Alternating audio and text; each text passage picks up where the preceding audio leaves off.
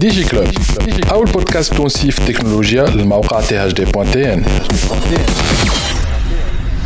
برعاية Téléchargez gratuitement l'application mobile TopNet App et profitez d'une assistance technique simple et rapide ainsi que de plusieurs autres fonctionnalités. TopNet, very digital people. برعاية Huawei, au service de la Tunisie depuis 1999.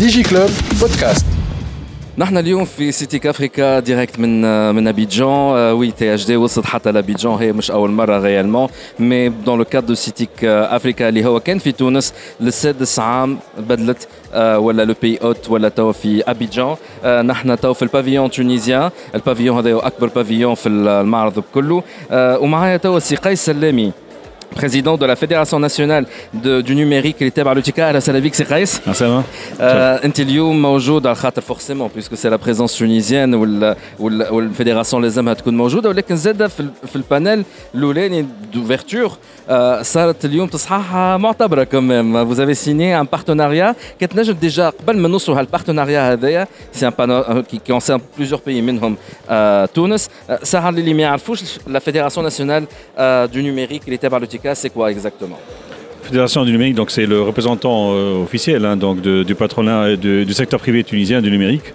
Donc c'est euh, une, des, 17 fédérations de l'UTICA et elle est composée des, de 8 chambres sectorielles, sous-sectorielles du, des TIC, du numérique. Donc Infotica, la chambre des SS2I, Intech, la chambre des équipements, des, équipements, IT, il y a aussi la chambre des intégrateurs télécoms, la chambre des téléphones mobiles, etc. Donc chambre des centres de contact et centres d'appel. Donc euh, toutes ces chambres euh, qui sont construites de bureaux exécutifs élus et qui constituent en elles-mêmes le bureau de donc la fédération est représentée par, les présidents de différentes chambres et moi-même en tant que président de la fédération. Et, donc on porte la voix et on défend les intérêts du secteur numérique, mais surtout on, travaille à développer le secteur numérique tunisien. Ben, depuis, euh, depuis toujours donc notre action a porté surtout sur le développement de la stratégie du digital en Tunisie. Donc depuis 2013 par exemple, c'est nous qui avons été derrière le- tout le dialogue public-privé qui a été fait pour euh, dégager le, pour pendre la stratégie Tunisie digitale, pour euh, le conseil stratégique de l'économie numérique, c'était euh, euh, notre initiative, des initiatives comme Digital Talent, comme Link for. Euh, donc, et, bien sûr, on est en permanence en contact avec le gouver- le gouvernement, avec les ministères, aussi bien de technologie, mais aussi des finances de- euh, de- et, la présidence du gouvernement pour, euh, défendre certaines, certaines pour porter notre voix sur les réglementations, sur les lois, etc. Donc, il y a un rôle syndical, bien sûr, patronal pour le secteur du numérique et un rôle de, de, développement du secteur d'innovation du numérique. Très bien. Et au niveau national et international, c'est là où je fais l'enchaînement. Voilà, nous sommes à Abidjan, en Côte d'Ivoire, d'abord le CETIC Africa. Donc, c'est il y a une signature d'une convention très importante.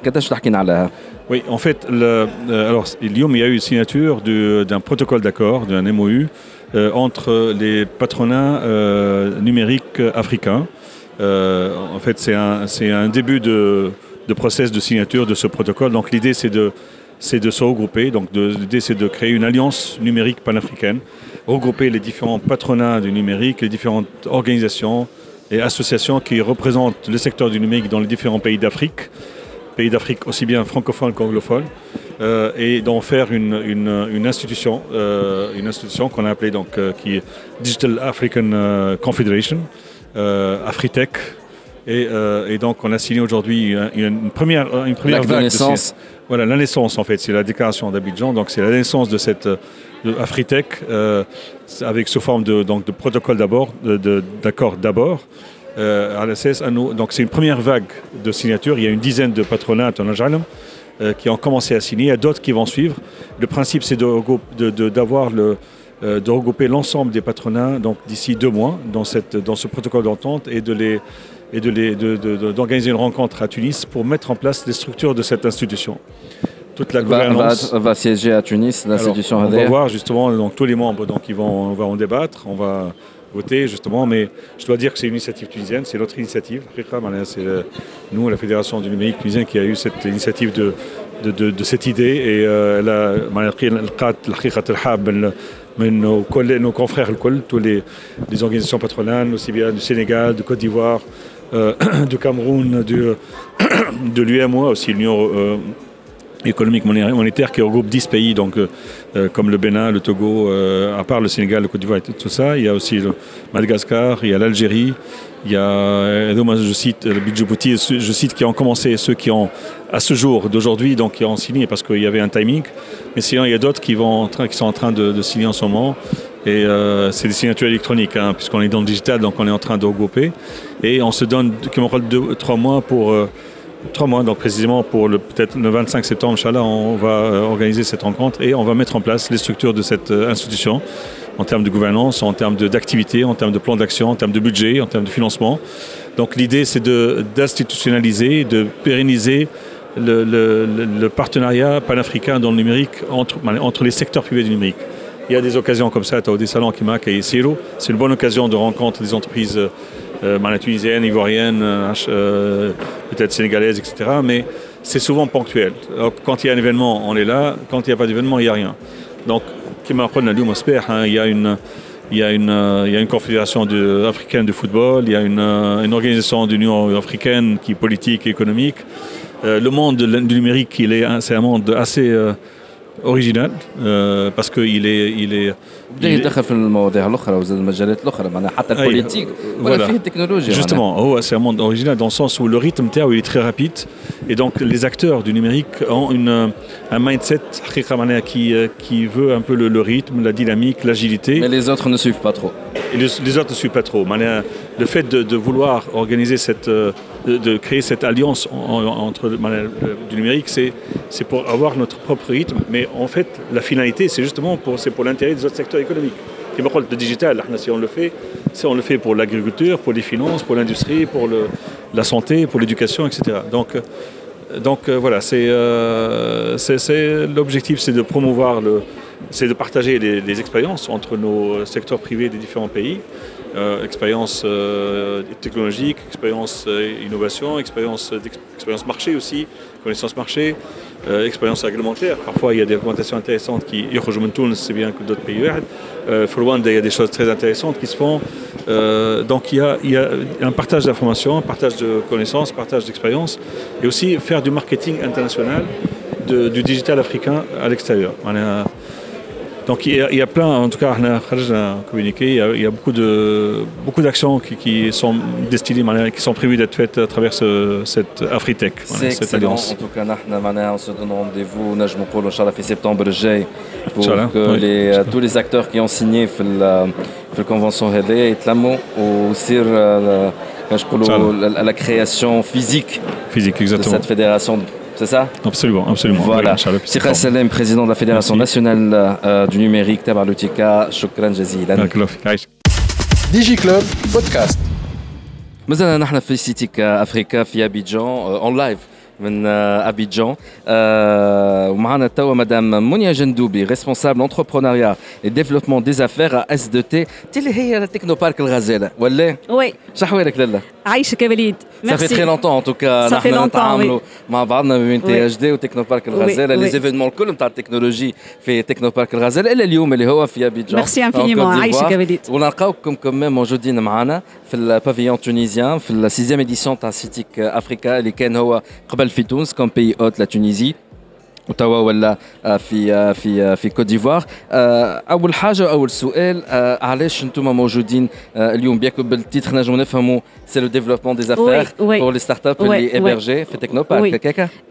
Oui, euh, effectivement, Walid, euh, la mission interne à Technopark Incubateur, c'est l'accompagnement euh, des startups à l'international euh, afin de, prospecter pour eux et favoriser davantage les opportunités d'affaires. Lyoum, aujourd'hui, Citic Africa, on a travaillé avec notre ministère pour la sélection des startups et tout. A également startup l'incubateur El Razela. L'objectif, les participations internes, fait les salons et les foires à l'international euh, toujours euh, pour nos startups pour nos entreprises pour l'écosystème entrepreneurial tunisien afin de promouvoir notre chère Tunisie notre euh, destination et drainer les idées également les idées et l'investissement direct étranger les entreprises multinationales comme vous êtes également fait cible interne à Technopark qui m'a تعرف وليد فما tout un écosystème في technopark ou la mission même يعني, euh, du technopark, c'est comment euh, créer la dynamique entre les acteurs clés de l'écosystème et les, huma, euh, les entreprises, euh, les universités et tout, euh, quel que soit le transfert entre start-up PME ou la start-up grand groupe. Euh, et, et là, c'est no- c'est le, c'est le- c'est يعني c'est le cœur du métier même du technopark.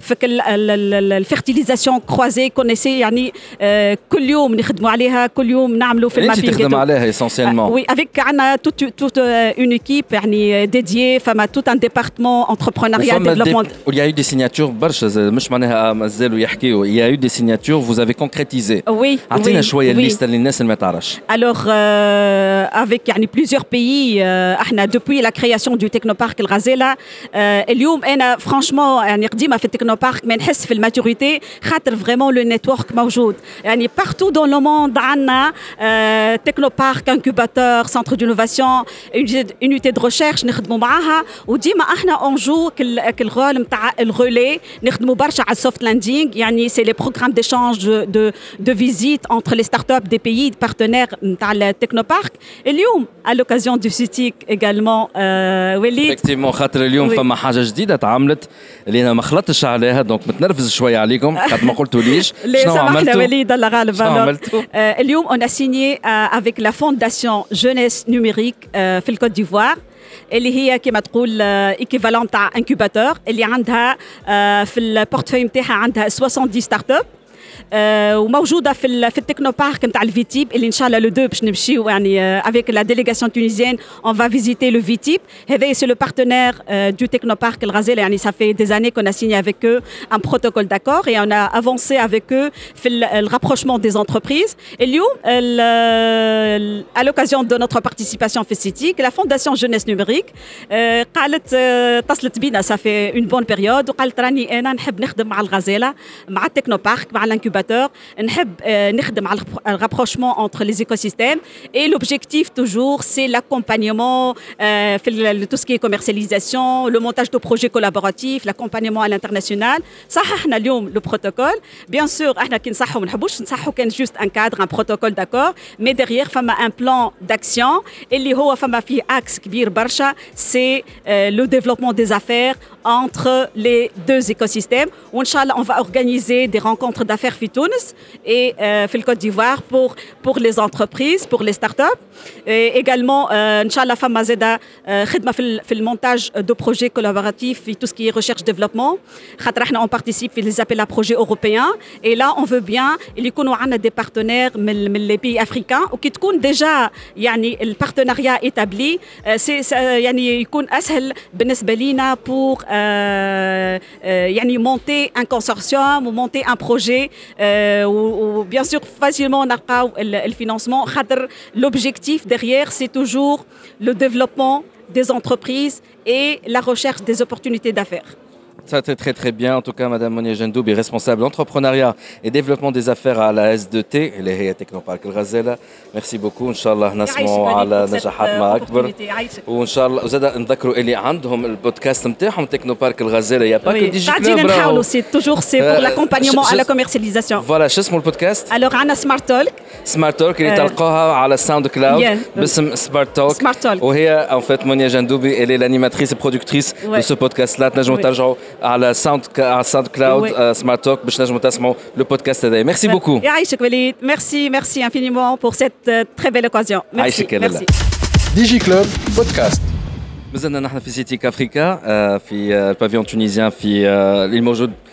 في ابيجان ها ماناش في تونس آه، دي جي كلوب وتي اش دي اليوم موجودين في الايفينمون هذايا اون ديريكت من ابيجان ومعايا توا امال سعيدان بريزيدون دو تونيزا ستارت اب ان فيت هي امال سعيدان عندها تبارك الله عليها بليزيور كاسكيت اليوم في الديليغاسيون تونيزيان elle représente آه، تونيزيان ستارت ابس شكون ما يعرفش تونيزيان ستارت ابس كان ما تعرفوش سامحني فيكم برا نمشيو ورجعوا على tous les دي جي كلوب et tous les articles et toutes اقراو les دروسكم. émissions اقراو دروسكم آه، mais aussi elle est aussi آه، la CEO et founder تاع بيتا كيوب امان نبداو خلينا نحطوا بيتا كيوب نخرجوها ساعه تاع Ouais, اللي يعرفوش بيتا كيوب شكون هي بيتا كيوب Très bien. رابيدمون Alors, مرحبا بك عايشك ميرسي وليد مازال ما يعرفوش خلي يسمعوا صوتك ميرسي وفريمون تري رافي ديتر لهنا في ابيجان باش نجموا جوستومون نعرفوا بالايكو سيستيم التونسي ونعرفوا بالانوفاسيون اللي عندنا في تونس اترافير تونيزيان ستارت اب اترافير زاد بيتا كيوب اللي هي تصنع ستارت ابات فوالا شنو تعمل دونك بيتا كيوب دونك تصنع ستارت ابات سي ان فينتشر بيلدر دونك اون كو كونستروي دي ستارت اب افيك دي انتربرونور دونك احنا عندنا اون اكومباني لو بروسيس من ليدي حتى للام في بي الفاليداسيون مارشي الجو تو ماركت بلوس لا لوفي لا بروميير لوفي دو فون دونك احنا في الفاز اللي هي صعيبه برشا ولا بلو كريتيك ولا بلو ريسكي اي بي احنا اون سو بوزيسيون كوم بلوتو ان كوفونداتور كوتش بارتنير دون سونس اللي نركزوا اكثر على على دو كوتشينغ كو على الفورماسيون معناها اون سو دي لي لونتربرونور اللي هو فريمون صحيح ينجم يلقى الانفورماسيون اللي كنقولوا له امشي لوج غادي دونك نحاولوا نركزوا على بلوتو لا بارتي كوتشينغ اكومبانيمون باش ستارت اب تنجم تقدم اي كوم اون اي دون ان موديل دو كي بازي على الاكويتي دونك سي نو ستارت اب اوسي دونك اون لانتيغي بتاعنا بأنهم ينجحوا وأسرع طريقة ممكنة.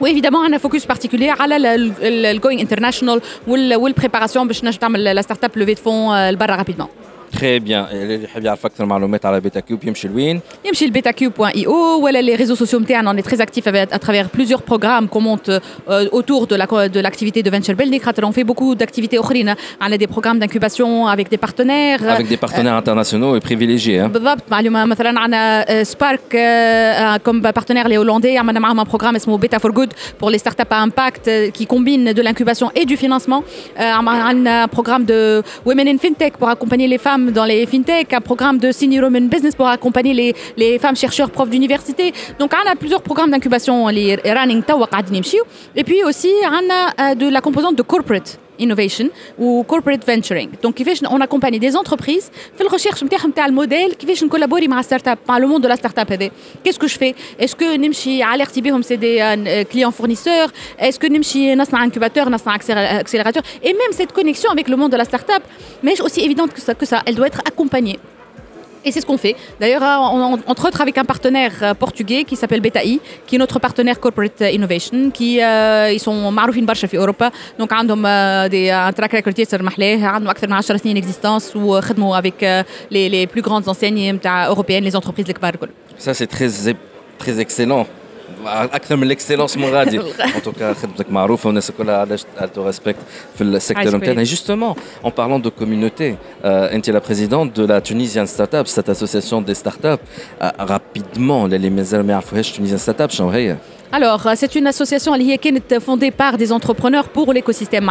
هي تقول كل شيء le fait اللي les entrepreneurs خذاو تحملوا مسؤولية l'écosystème تاعهم où ils ont contribué à créer un, une structure d'ailleurs وجود association في l'écosystème هي حاجة توري اللي فما l'écosystème تاعنا طلع en maturité. خاطر كي تشوف تشوف les écosystèmes matures تلقى فيهم ديما مؤسسات تلقى ناس كل واحد عنده رول. Donc l'association se positionne comme دار الناس الكل l'espace neutre اللي الرول نتاعو de donner une voix à l'écosystème. دونك إحنا خدمتنا برشا في الأدفوكاسي على الايكو سيستيم نحكيو برشا مع مؤسسات الدولة باش نقولوا أوكي هاو الايكو سيستيم اليوم؟ كيفاش ينجم يتحسن؟ أما زاد عندنا اوسي دي بروغرام avec, les, avec des partenaires où الهدف منهم est de euh, connecter les acteurs, de les fédérer. مثلا عمرنا ما نعمل بروجرام وحدنا. On n'est pas là pour euh, concurrencer les, les acteurs, les enablers موجودين بالعكس. On est là pour les connecter autour de sujets, notamment euh, نخدموا على les, les, les femmes entrepreneurs, نخدموا على Tunisian Startups Academy اللي هي اليوم نخدموا على les, des compétences اللي طلبتها طلبها l'écosystème notamment product management خدمنا على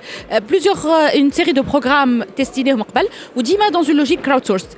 اليوم peut-être l'activité phare نتاعنا هي le fait qu'on travaille على un nouveau mouvement اللي سميناه Startup Act 2.0 pour justement نحركوا الجو شويه ايما واتس نيكست معناها نسأل سؤال يقلق شويه رانا حكينا فيه نحن البارح ولا البارح على خاطر هما جماعه تاع اللابيل ستارت اب اكت ابخي 5 اني تصير اون ايفالواسيون على الخدمه نتاعهم اسكو سي ستارت اب لا اون ايفولوي اسكو ماشيين في الطريق الصحيح سينو يتنحى لهم اللابيل وساعتها قلت لك امال بات اتس نوت فير اتس نوت فير علاش على خاطر تعداو عامين كوفيد عام سنه فما لا كريز اوكرانيان روس معناها ce n'est pas du tout facile باش تجنح مع ce qui se passe en Tunisie est-ce que du coup on peut toujours parler d'espoir pour les startups انهم باش ينجنحوا في تونس وفي العالم في الكونتكست هذايا. أوكي.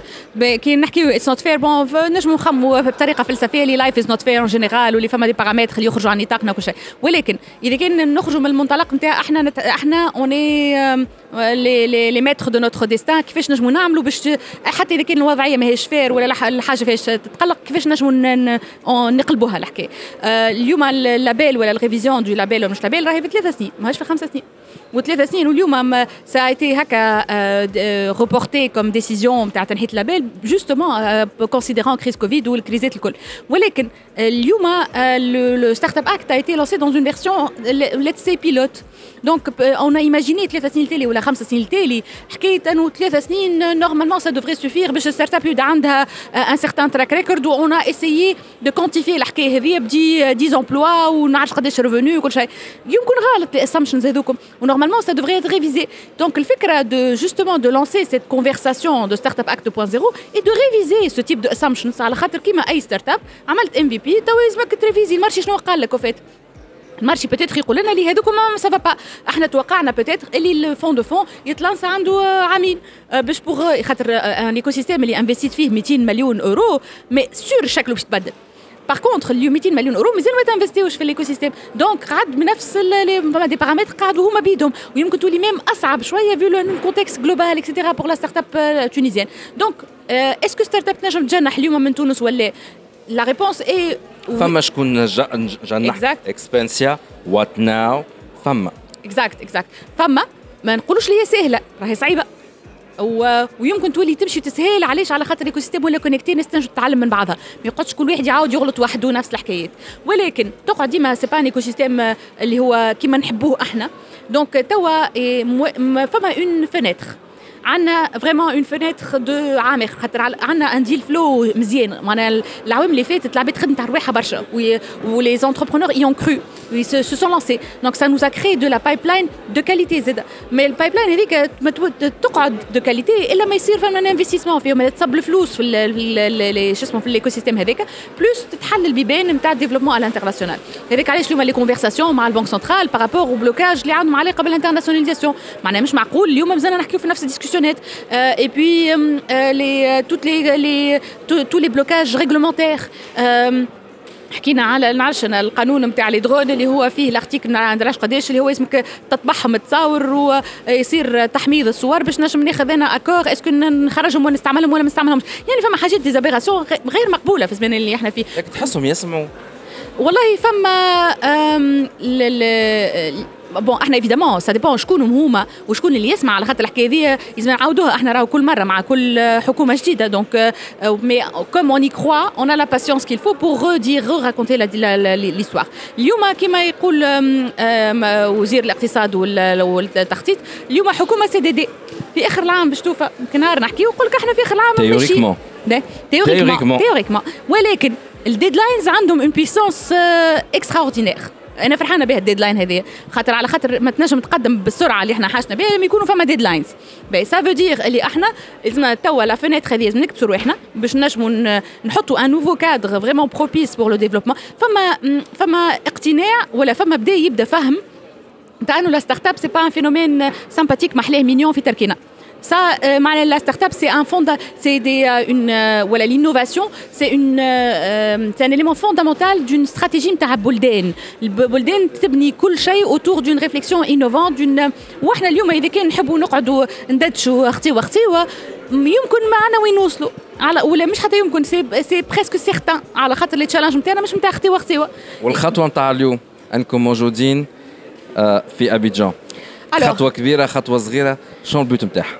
آه هي اختيوة الحقيقة ولكن اختيوة جديدة على خاطر ما كنا ما كناش موجودين. جوستومون ما كنتوش تخرجوا ما كناش نخرجوا نمشيو هكا للبرا ونخرجوا بال... بالكمية هذه راهي ديليغاسيون كبيرة برشا. أكبر هي أكبر ديليغاسيون اكبر ديليغاسيون في الصالون في الصالون كله. اي دونك لو فيت الحضور التونسي بالطريقة هذه سي ان ميساج سي ان سينيال رانا وي مينت رانا جايين نحبوا بالرسمي كي نحكيو نحبوا نديفلوبيو علاقتنا مع الافريك سوب ساغين وي مينت وهزينا رواحنا وجينا.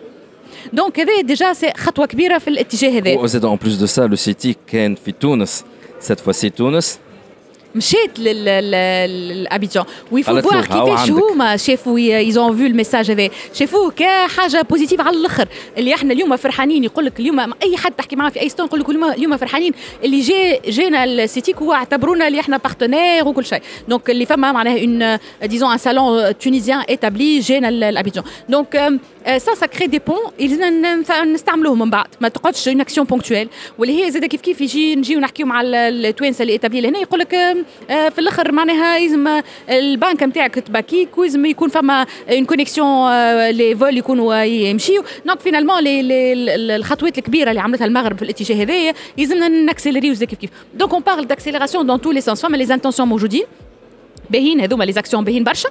آه ولو فات اللي مشينا ديرنيغمون ليكسبو مشينا لهنا لابيجان دونك ليكو سيستيم قاعد يتحرك وفما معناها حتى الوزارة شافت أنه حضورنا معناها في اللي في اللي اللي- آه، المحافل الدو- الدولية هذه حاجة عندها قيمة ومهمه على الأخر.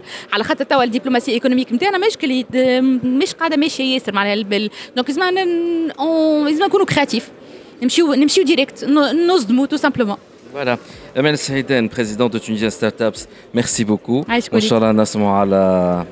حاجات جديدة تابعين الايكو سيستم تاع الستارت اب بالك. شي آه، شو اسمه الستارت اب اكت 2.0 مازال ما خرجش هو ال- ال- الفيرسيون هذيك معناها. مازال ما خرجش التكست. ما لا قريتوش مازال ما بديناش نخدموا على تكست إحنا. توا اللي ديتو سكون في النيغوسياسيون، c'est tout. جوستومون سكون في سي.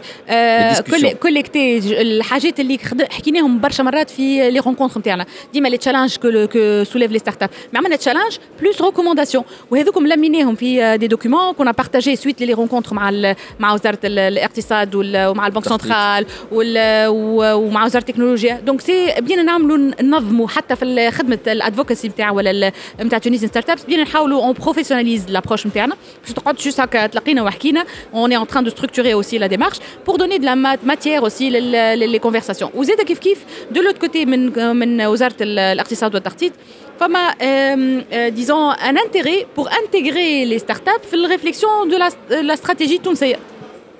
واللي هي جوستومون هذه النقطة اللي حبينا نمشيو لها. معناها كيفاش ما نجموش تخمموا في استراتيجي وحدها دون مانيير ايزولي ما تنجمش تخمم في اون ريفليكسيون استراتيجيك على نعرفش أنا على لي تشالنج دو لينيرجي اليوم من غير ما تنتجري لا كومبوزونت انوفاسيون ما تنجمش تخمم في اون انفراستركتور كيسات من غير ما تخمم في اون فيل انتيليجونت اون فيل ديزايني بور بور معناها متجهه للوتيليزاتور وفيها تكنولوجيا وكل شيء. دونك ميم حاجات اللي يتخيلوهم هما معناها يتخيلوهم كحاجات كلاسيك وبزنس از يوجوال هذوكم هما اللي لازمهم نقلبوهم ونخموهم تكنولوجيا أوفيت. تري تري بيان ان توكا للي يسمعوا ويحبوا يعرفوا أكثر. عشان تعمل تونيزيا ستارت اب سيطال يدخلوا الباج فيسبوك سي سا الباج فيسبوك لو سيت نتاعنا مازال ان ريكونستركسيون باسكو يا بلان بروغرام كنا نحبوا نحكيو عليهم في ال- في السيت نتاعنا باج فيسبوك باج لينكد ان تونيزيان ستارت ابس وسينون فما ان جروب وين اون بارتاج ان جروب فيسبوك وين اون بارتاج لي اوبورتونيتي ايكو سيستيم عندنا une une équipe magnifique euh, qui euh, qui est en place Tao, depuis euh, depuis janvier donc حتى en termes de de notre capacité d'implémenter des choses euh, on est d'ailleurs euh, نقول لهم عسلامة من Abidjan euh, à toute l'équipe Tunisian Startups et à tout le board Euh, donc euh, voilà euh, يعطيهم الصحه ويعطيك الصحه انت عايش. امل السعيدان وان شاء الله ملتقانا في تونس عايش كويت باي باي في الأمان ديجي كلوب بودكاست توا معنا السي ياسين تواتي اللي هو سي يو اند فاوندر دو كومونيك اهلا وسهلا بك مرحبا بك معنا مرحبا يعيشك نحن توا في دونك سيتيك افريكا في في ابيجان في البافيون تونيزيان ساعة اول حاجه آه، للي ما يعرفوش كومونيك سكو في كومونيك اكزاكتومون كومونيك هي شركة تونسية في ال- dans le domaine de l'édition de logiciels, dans le monde des télécoms, des centres d'appel, de la relation client. Euh, depuis 2006, on a, été, euh, معناها- on a lancé notre activité en 2006. Euh, Aujourd'hui, on est présent dans certains pays, comme l'Afrique du Nord, Zaire ou le Maghreb, aussi en, en France et euh, en, Afri- en Afrique subsaharienne, en, en Afrique de l'Ouest, في ال- في الكوت ديفوار بوركينا euh, le Gabon euh, Congo Brazzaville et dans d'autres dans d'autres coins Très bien, donc انتم اليوم موجودين donc cela va de soi puisque vous êtes présent في ال في ال في الكوت ديفوار هي الشركة أصلا تونسية ولا لا tout simplement multinationale fait plusieurs identités plusieurs nationalités En fait euh, الشركة هي 100% المؤسسين نتاعها ثلاثة آه، ياسين تواتي سفيان جعايت ومهدي تواتي آه، الكلنا توانس وهما ils détiennent 100% du capital mais on a créé des filiales dans d'autres pays donc mon multinationale كلمه كبيره برشا مي euh, on peut dire شنو بقى لكم على vous êtes déjà multi national قداش من بلاد وصلنا والله فما une dizaine de pays de, de تبارك الله. présence عايش قداش من سالاريي احنا توا بالضبط 108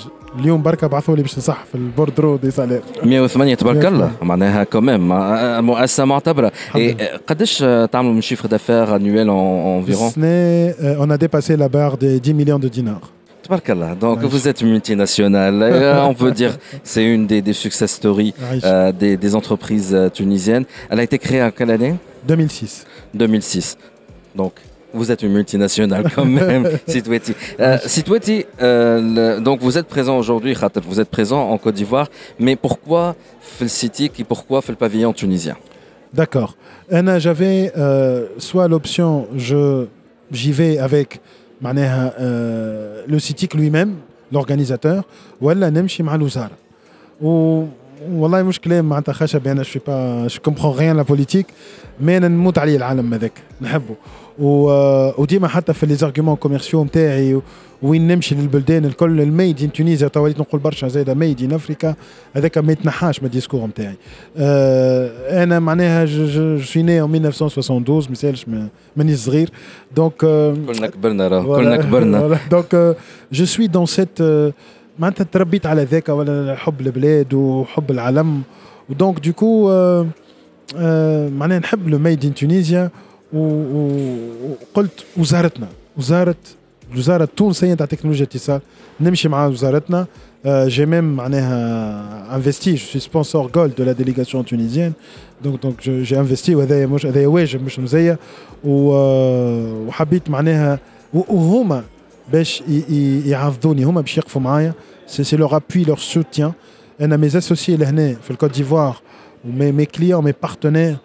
quand je, lui ai racon- je leur ai raconté ce, ce salon qui fait جاي معايا الوزاره واقفه معانا وكل ils étaient ils ont même dit شخص كان حتى احنا on trouve ce soutien vraiment un grand merci وزاره التكنولوجيا الاتصال على على الوقفه هذيا وزادت عطاتنا الصبغه هذيك الحلوه اللي اودولا دو دو بيزنس اللي مستانسين بيه سي لوفيسيال سي لو فوالا صحيت C'est كلمه نلوج l'officiel. عليها سي سي لوفيسيال شنو فما جديد pour les prochaines semaines Alors, les prochains mois aussi, je pourrais aller à la de toute façon. Et même prochain jour. Hein. Voilà, le prochain jour.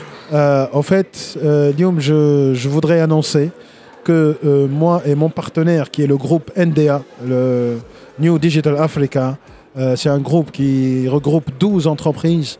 Mon machine fait 15 entreprises. Ce groupe-là, c'est mon associé sur la Côte d'Ivoire. Aujourd'hui, on a obtenu euh, presque une première euh, en Côte d'Ivoire, même je pense en Afrique. C'est opérateur télécom voix IP virtuel. Donc, euh, en Côte d'Ivoire en Côte d'Ivoire. donc oui. vous êtes devenu un opérateur en cours pour le voix IP dans les jours à venir. En dans les jours dans les jours à venir. Vraiment, vous avez eu l'agrément et tout ça c'est des voilà, c'est on, est- on- on a reçu l'offre, on a reçu le business model. Euh, on a même installé la fibre sur la partie technique. En fait, on a, on a installé la fibre, on a installé la plateforme communique, on a tout installé. Il reste quelques petites euh, négociations d'ordre administratif et, business model, mais c'est acté, tout le monde est d'accord. Euh, voilà. Donc ça va être super, je suis extrêmement content. Mabrouk, je, mabrouk. Ça m'a fait un grand plaisir. Et donc, et, et ça, Mabrouk, Leia, Mabrouk, le Côte d'Ivoire. Mabrouk, vraiment le Côte d'Ivoire, pourquoi? Parce que là, on va vraiment participer à la croissance économique des entreprises, PME, grandes entreprises en Côte d'Ivoire. Parce que Lyon, on ne fait pas de la technologie pour la technologie. On fait la technologie pour le business, en tant que simulateur pour l'économie. Voilà. J'espère que le message sera reçu du côté tunisien, si vous voyez ce que je veux dire. En tout cas, Sidi, merci beaucoup. Fabuleux. Et euh, merci pour votre soutien, la, la délégation officielle. Avec plaisir. Digiclub Podcast. برعاية Topnet, very internet people. Huawei, au service de la Tunisie depuis 1999. مازلنا في دي جي كلوب en direct من ابيجان كوت ديفوار صالون سيتيك افريكا سيزيام اديسيون تاعو المره هذيا في ابيجان اللي كانت في تونس آه، نحن توا في البافيون تونيزيان ومعنا سلمى بغدادي ديريكتريس ايكو سيستيم سمارت كابيتال صباح الخير شحوالك صباح الخير وليد والله ما نتقابلوش في تونس نتقابلوا في في في الكوت ديفوار هكاك ولينا كهو هذاك هو لو نوفو موند effectivement c'est le nouveau de toute façon هذاك هو علاش مجعول سمارت كابيتال سي بور انكوراجي لي ستارت اب باش يمشيو زاد على الانترناسيونال اي جوستومون علاش سمارت كابيتال موجوده اليوم في الكوت ديفوار Donc on est partenaire de la délégation sous la tutelle et euh, le lead bien sûr du ministère euh, des technologies de communication. Ahna, on est le partenaire qui est derrière les startups dans la sélection mais aussi dans l'appui. On essaie de les accompagner باش ينجموا يخرجوا الماكسيموم من l'opportunité هذه اللي هما في Abidjan euh, pour les mettre en connexion avec euh, les entreprises euh, ivoiriennes ويفهموا اكثر المارشي يفهموا كيفاش يدخلوا في المارشي يعرفوا l'écosystème كان نهار اخر يحبوا يسامبلونتي ici donc هذا هو الرول نتاعنا مي لينا احنا زاده كسمارت كابيتال سي تري امبورطون de se connecter à l'écosystème ivoirien باش نبنيو plus de relations plus de de ponts ما بين بلادنا والكوت ديفوار ان شاء الله Est-ce que déjà, nous sommes احنا في الثاني نهار من من السيتي كهنا est-ce que déjà فما هكا un peu de résultats qu'on commence à voir à, à voir et à voir من البارح لليوم احنا فرحانين برشا en fait خاطر l'Afrique en général euh, de plus en plus قاعدين نلقاوها في les marchés visés par les startups tunisiennes وهذه حاجه باهيه برشا دونك لو فيت كون ان ايفينمون احنا مسنسين نعملوا لي ايفينمون اوروبيان انترناسيونال المره هذيا اون افريك دونك ديجا سي حاطين ساق باش نفهموا انتر سكي شيفر ولا ولا هكا نقولوا هذه سوليوشن تنجم تمشي في الافريك هوني اون اي ان كوت ديفوار dans un écosystème qui est émergent aussi mais très très dynamique قاعد يصير فيه برشا حاجات les startups يتعلموا برشا من من ce qui se passe ici en termes de digitalisation notamment le mobile money etc وعملوا les premiers contacts فهموا ce qu'il faudrait faire ils ont eu des contacts intéressants avec des entrepreneurs déjà implantés باش يعرفوا نهار اللي يحبوا يجيو شنو لازم يعملوا دونك انا جو كونسيدير كو سي دو, de bonnes choses mais bien sûr لازمنا نواصلوا عليه معنا لازمنا نبنيو عليها الصالون un salon ne peut pas ne peut pas tout offrir Et déjà, il faut, il faut, euh, سامحني قصيت عليك Salma. Euh, directement ou indirectement grâce à, à Smart Capital les startups tunisiennes ولاو يظهر لي عام سنه واكثر عام فيه présence تاع les startups tunisiennes grâce à des appels à candidature il y a eu le Mobile World Congress وهنا نقولوا تحيه كبيره للجي اس ام اي اللي ساعدوا les startups ان دخلوهم خاطر c'est l'accès est très cher et payant عطوهم des accès gratuits le Mobile World Congress four years from now et via Smart Capital il y a eu la sélection suite à un appel à candidature il y a eu un, appel à candidature Z à la, à la manifestation à, la, à intérêt سماك كيفاش سماها pour le salon هذايا et euh, merci donc à tous les sponsors اللي هما زاد ساهموا باش يتكفلوا بالمصاريف خاطرها ça coûte cher راهو لا كوت ديفوار الحاجه الاخرى زاد اللي هي bientôt il y a la Vivatech à Paris et زاد il y a eu un appel à manifestation ou à la projet ou à la candidature et il y a eu 10 startups qui ont été sélectionnées ou la أكثر et bientôt ils vont partir à la Vivatech euh, pour se, pour présenter fait. la Tunisie tout à fait pour cette année, euh, donc City ou Vivatech euh, sont sous le lead, voilà, la, la tutelle, c'est Louzara qui, euh, qui, qui gère euh, ces projets-là. Mais Ahna, bien sûr, on est toujours dans la participation, dans le soutien. Dès qu'il y a le mot start-up, euh, on est là pour, euh, pour aider. Mais la chose excellente, c'est que clairement, les hommes ont la connexion. لازم تونس معناتها احنا عندنا دو تشالنج في تونس سي لاكسي au financement et l'accès au marché. Euh, L'accès au financement, un de ces mécanismes, Inch'Allah, mais on en, on, on en parlera une autre fois, où l'accès au marché, une des portes d'entrée, voilà, une des manières de faire, c'est ces événements-là.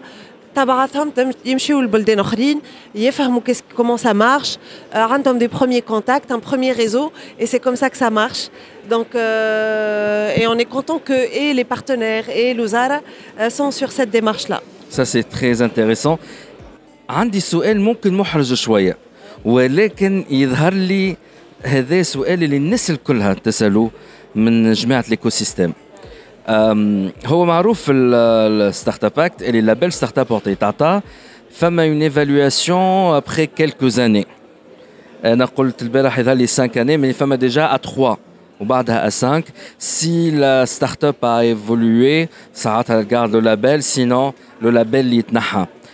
But is it fair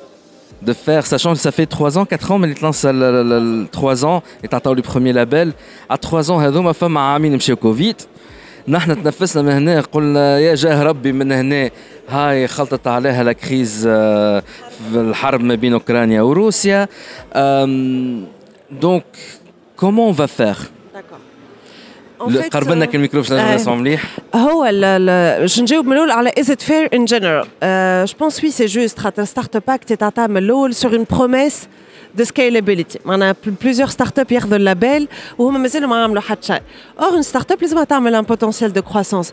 Donc, je pense que c'est très intéressant ce mécanisme-là en général et théoriquement. Fait le loi. Tu as un article sur la confiance. tous ces avantages-là, ou tu vas concrétiser ton business plan. Après, effectivement, on est vraiment conscient euh, profondément conscient de tous les obstacles les traditions les startups. Covid 2020 était une année exceptionnellement difficile. Et les chiffres شفناهم les startups. Donc, euh, donc avec toutes les parties prenantes, avec bien sûr les, les, ministères, pour voir ce qu'on dans ce, dans, ce, contexte, dans ce contexte, toujours dans l'appui. cette mesure-là, mais il ne faut pas la voir qu'à mesure de punition. C'est plus une, une, mesure d'évaluation d'évaluation où il y a un cadre légal qui est fait pour une typologie d'entreprise. Il y a un potentiel de croissance. Donc il faut le voir plutôt dans ce, par cette perspective. Mais oui, قاعدين نخدموا باش نشوفوا حاجه اللي تكون ملمه اكثر اللي شنو تعدى علينا معناتها ماهوش سهل حتى justement est-ce qu'il y a un message à adresser aussi aux startups اللي هما qui cherchent à s'internationaliser على انهم يزيدوا يكبروا البريود هذايا on dirait que la crise du Covid توا بدات تضرب في les géants de la high tech توا في امريكا et donc probablement ça va finir par euh, avoir des répercussions sur les startups Fitones et l'écosystème Fitones. شنو الميساج اللي تحب تقوله للي ستارت اب doivent-ils s'inquiéter une startup doivent-elles s'inquiéter والا لاباس Bon, يمكن انا خاطرني intrinsèquement positive et optimiste. Je ne le vois pas de cette manière. Je vois plutôt les signaux positifs et les قاعدين موجودين. L'Afrique en pleine expansion, euh, tout un marché qui se digitalise et qui en demande de digitalisation. Euh, ils recherchent des solutions, le marché cherche des solutions innovantes euh, numériques ou à la digitale ou à la innovantes en général. Donc, il y a des opportunités. Euh, ce qui se passe, bien sûr, on doit regarder ou chauffe ou tabou. Eh ben, je pense qu'il y a tellement d'opportunités à saisir rapidement. Euh, في الريجيون نتاعنا افريك ومينا وبعد si si la start-up elle est vraiment créée sur euh, en offrant une technologie qui va résoudre une problématique je pense qu'elle pourra le faire. Après, il n'a jamais une répercussion sur les montants faramineux d'investissement qui sont en abîme là mais de toute façon, on ne connaît pas Sophie Ouisser. Ça, c'est vrai. Les tickets euh, oui. Monsters Ticket, on ne connaît pas Donc, je pense qu'on est, comme on a, été, euh, on a évolué dans un climat qui était difficile, toujours aride, le climat interne. Imaginez, je fais que le bazar, le kbir, le start-up, ah, je fais bazar, autant je ne sais pas Elles sont, elles font preuve de résilience. Mode, elles sont tellement résilientes et ça, c'est une qualité. Mais il ne faut pas en abuser, bien sûr. Les Nations, elles sont résilientes. Mais euh, je pense qu'elles pourront mieux euh, saisir les opportunités et travailler sur un modèle qui est plus fait sur la sustainability que sur euh, des, des levées de fonds faramineuses اللي هي ما فيها شويه spéculation on n'est pas dans la spéculation في تونس d'accord très bien Selma Bardedi directrice écosystème smart capital اللي هي باللابel ستارت اب c'est un PPP en tout cas ارجعوا على الحلقات القديمه تعطوا nos podcasts toutes nos émissions nos articles sur thg.tn باش تفهموا اكثر تعمل سمارت كابيتال merci beaucoup merci beaucoup Elide bye bye ديجي كلوب بودكاست برعايه توب نت very internet people Huawei, au service de la Tunisie depuis 1999. مازلنا نحن في سيتيك افريكا في البافيون تونيزيان وتوا معنا سي مصطفى بن غشام ديجيتال فاينانشال سيرفيسز اهلا وسهلا بك عسلامة وليد. آه، عايشك ما ق- نسيت ما قلتش عند شكون على خاطر مصطفى نعرفوه من قبل اون فات. آه، ما نقول صديق البرنامج ولكن نعرف بعضنا من قبل بيسكو هو من السيكتور. على خاطر هو الشيء اريدو قبل كان عنده بليزيور كاسكيت توا يسو سبيسياليز أكثر في أريد في الفاينانشال سيرفيسز صح شحوالك سي يا مصطفى؟ Très bien وليد عايشك. ميرسي بوكو بور l'invitation. عايشك. مرحبا بك. آه، مرحبا بك في البافيون تونيزيان اريدو est sponsor de l'événement. آه، هنا آه، لا كيسيون كي سو بوز اريدو ما عندها حتى ريزو في الكوت ديفوار دونك علاش اريدو جات لابيجان Alors, c'est une très bonne question. Olido jette l'Abidjan parce que Olido est sponsor officiel du CITIC et du pavillon Tunisie. Donc, on est présent aujourd'hui aux côtés des startups. Donc, les startups, en fait, on a eu un process de sélection. Donc, on était partie prenante, fait jury. Donc, il y avait une soixantaine de dossiers. Euh, sur les soixantaines de dossiers, on a sélectionné comme euh, Mahata shortlist 19. Mais 19, donc à Ashra, 10 startups sont présentes aujourd'hui en, euh, en Côte d'Ivoire, à Abidjan. Donc, euh, ces startups-là, ils, Mahata, ils sont en train de montrer ce qu'ils sont en train de faire, euh, ce qu'ils sont en train de développer Fitouns. Euh, Il y a de l'intérêt, il y a beaucoup de monde qui sont venus Mahata, discuter avec eux. Et j'espère qu'il y a des opportunités qui vont être conclues avec ces startups-là. تري بيان باهي السؤال اللي يفرض روحه أم، اسكو اريدو خاطر اريدو اللي était parmi les premiers اوبيراتور نذكرها عام 2011 اللي عملت وقت قبل كانت اسمها تونيزيانا تونيزيانا فاكتوري et c'était un petit peu euh, une sorte de mini incubateur pour les startups بعد le projet pour des raisons qui me dépassent آه، ما عادش موجود توا حسينا اللي اريد بدات ترجع آه، الكونتاكت دو بلوز اون بلوس لي لي لي ستارت اب تنجم تحكي لنا اكثر على هذايا استراتيجيه جديده هذايا Effectivement, Walid. Donc, je rejoins l'historique comme tu as Walido. Bon, tunisien Akbal, donc comme tu l'as cité. Euh, Anna Startup Factory en 2011. Startup Factory, quand on avait lancé, c'était du early stage fund.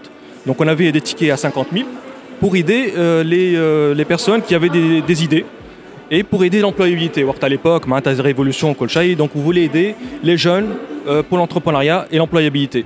Bad, en fait, j'ai un TILER avec le fonds QFF. Donc on était partie prenante d'un TILER. Donc là, on parle de tickets à 250 000. Donc pour réellement investir dans les startups et y croire, euh, les pousser, les conseiller et être partie prenante pour les startups. Donc on, était, on faisait partie euh, d'Antiler. Et euh, donc il y, a, eu pas mal de pépites avec Antiler.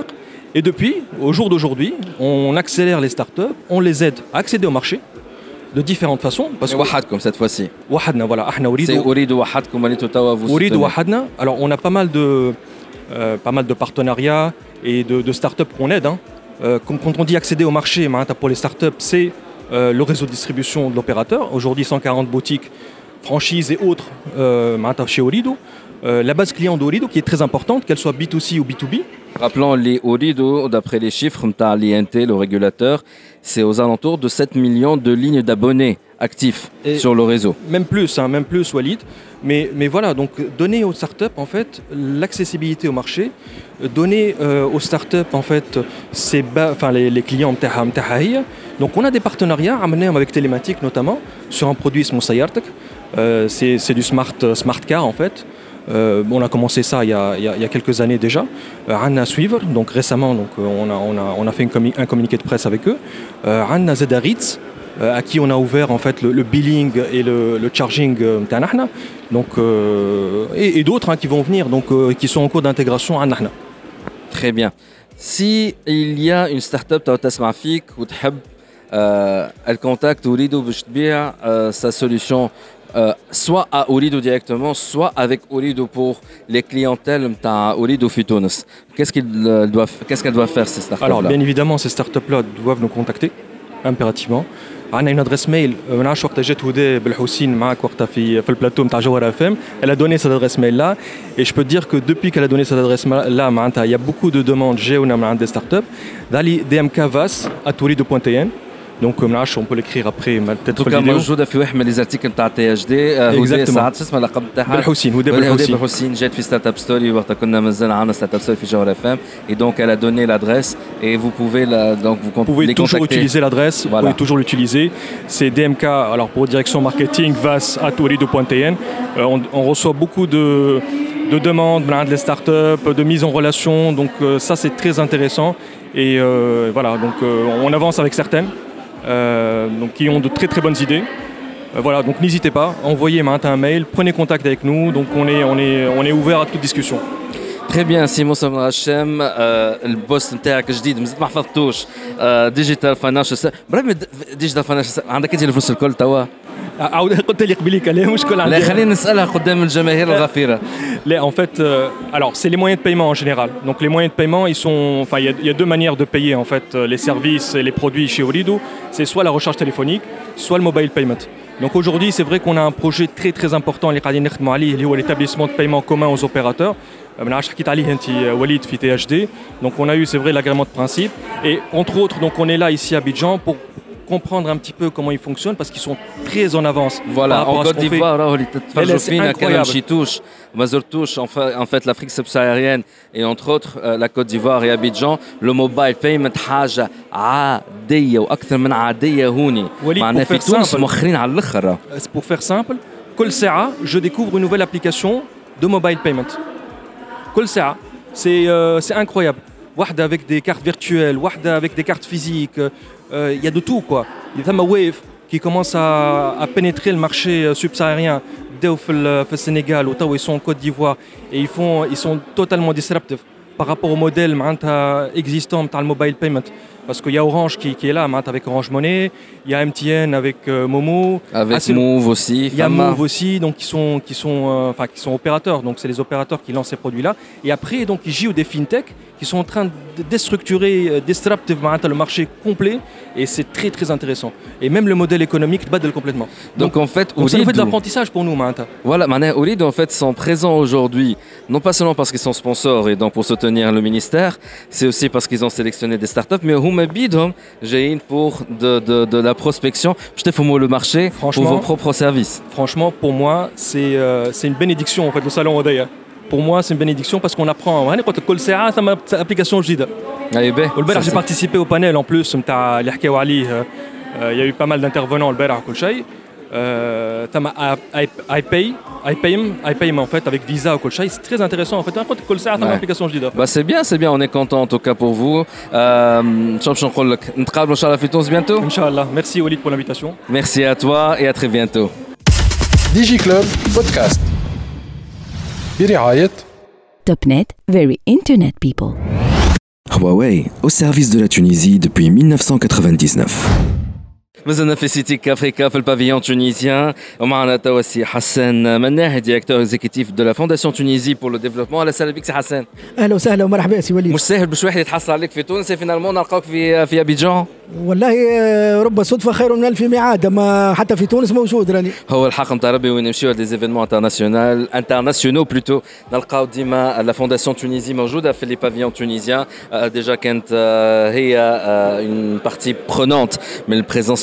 تونيزيان في في الموبايل وورد كونغرس اللي فات توا نحن في ابيجان زاد لا فونداسيون تونيزي هي ما نقولوش سبونسور مي لي لي بلو غران بارتنير لوزارا بور ميتر ان بلاس سو بافيون لا صحيح ولا صحيح وجودنا في سيتي كافريكا في اطار مشاركة الوزارة في تنظيم الفيلاج هذا الفيلاج تونيزيان الحقيقة دعاتنا الوزارة باش نكونوا موجودين وباش نتعاونوا.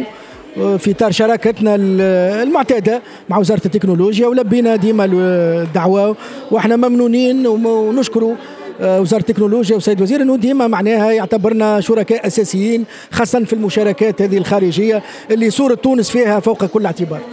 سي حسن اللي الناس مازالت ما تعرفش هي الفونداسيون تونيزي تنجم تحكي لنا عليها أكثر؟ والله فونداسيون تونيزي مؤسسه تونس للتنمية في تونس تعمل في شكل جمعية. إحنا عندنا مشاريع كبرى الحقيقة أهمها مشروع إليف اللي هو اللي موجودين في, في سليانه والكاف. موجودين في 10 جهات داخلية. البرنامج أنه ننجز 10 اليوم وفقنا في إنجاز أليف سليانة أليف باجة الكاف ومدنين جربة. للي ما يعرفوش أليف شنو هي بالضبط. أليف هو مركز تكنولوجي موضوع على ذمة شباب المناطق الداخلية لإعادة التكوين والتأهيل من أجل العمل من أجل تشغيل ورفع من التشغيلية وكذلك من أجل بعث المؤسسات والتشجيع على الانتصاب للحساب الخاص ونشر ثقافة العمل معناتها بطريقة ذاتية وبعث المؤسسة بصفة عامة. تري بيان من ناحية لي زاكتيفيتي نتاع الفونداسيون ما ثماش uniquement اليف وما ثماش uniquement لو سوتيان aux efforts نتاع لو مينيستير في التكنولوجيا برامج عندنا الحقيقة برنامج في المجال الصحة والصحة العقلية أساسا لأن نعنى بالصحة العقلية وإحنا ننجز أقسام داخل المستشفيات ونهيئها ونجهزها ثم نسلمها لوزارة الصحة. إحنا ما زلنا كي أتممنا آه، تقريبا إعادة تأهيل كامل تقريبا أجزاء مستشفى الرازي بمنوبة آه، في إطار معناتها الرفع من من جاهزيته وجعله ضمن معايير دولية معمول بها في مجال استقبال المرضى من نوع هذاك وهو مرضى النوع خاص. آه عندنا زاد في المجال الثقافي عندنا مشروع ولكن يرتبط كذلك وثيقا بالتكنولوجيا وبالرقمنة وبالمجال بمجال بحث وخلق القيمة المضافة كذلك في المناطق الداخلية. آه عبر تثمين المواقع الأثرية والمخزون الثقافي اللامادي وانطلقنا آه كذا بتجربة اليوم الآن في الكيف. إن شاء الله ناجحة. ثم سنعمم هذه التجربة على بقية المناطق ونمشي بها حتى للمهدية. باش نخرج شوية من المناطق الساحليه المرة هذه في إطار مشروع ثقافي متكامل. عندنا كذلك مشروع جديد نقوم به مع التعاون الألماني سميناه فيدكس تطوير الكفاءات المهنية في أليف. ويتعلق بالمحافظة على مواطن الشغل الموجودة اللي هي تكون هشة ولكن عبر تقوية الناس اللي موجودين فيها وكل شيء يخليهم يحافظوا على لي بوست دومبلوا نتاعهم وخاطر تعرف اليوم التكنولوجيا تتبدل ياسر. وكل واحد عنده خدمة اليوم ينجم ممكن يفقدها غدوة إذا ما يتمش تأهيله وإعادة تكوينه. هذاك علاش؟ هذا برنامج خصوصي جدا. اي سي ان تريتمون تري بيرسوناليزي باش يتم تعميمه. انطلقنا اليوم من مشروع نجح في منطقة باجة. انطلقنا به للكاف وبقية شمال الغربي سليانه ثم سيعمم على بقية الجهات اي سورتو لو سوتيان على تونيزي في لي زيفينمون انترناسيونال إحنا هذاك واجب نعتقد أنه ما دام عندنا القدرة على مساعدة في تنظيم التظاهرات الدولية الكبرى بما أن إحنا مؤسسة مرنة يعني وعندنا إمكانيات تخلينا نسمح بالتحرك السريع والعاجل والناجع.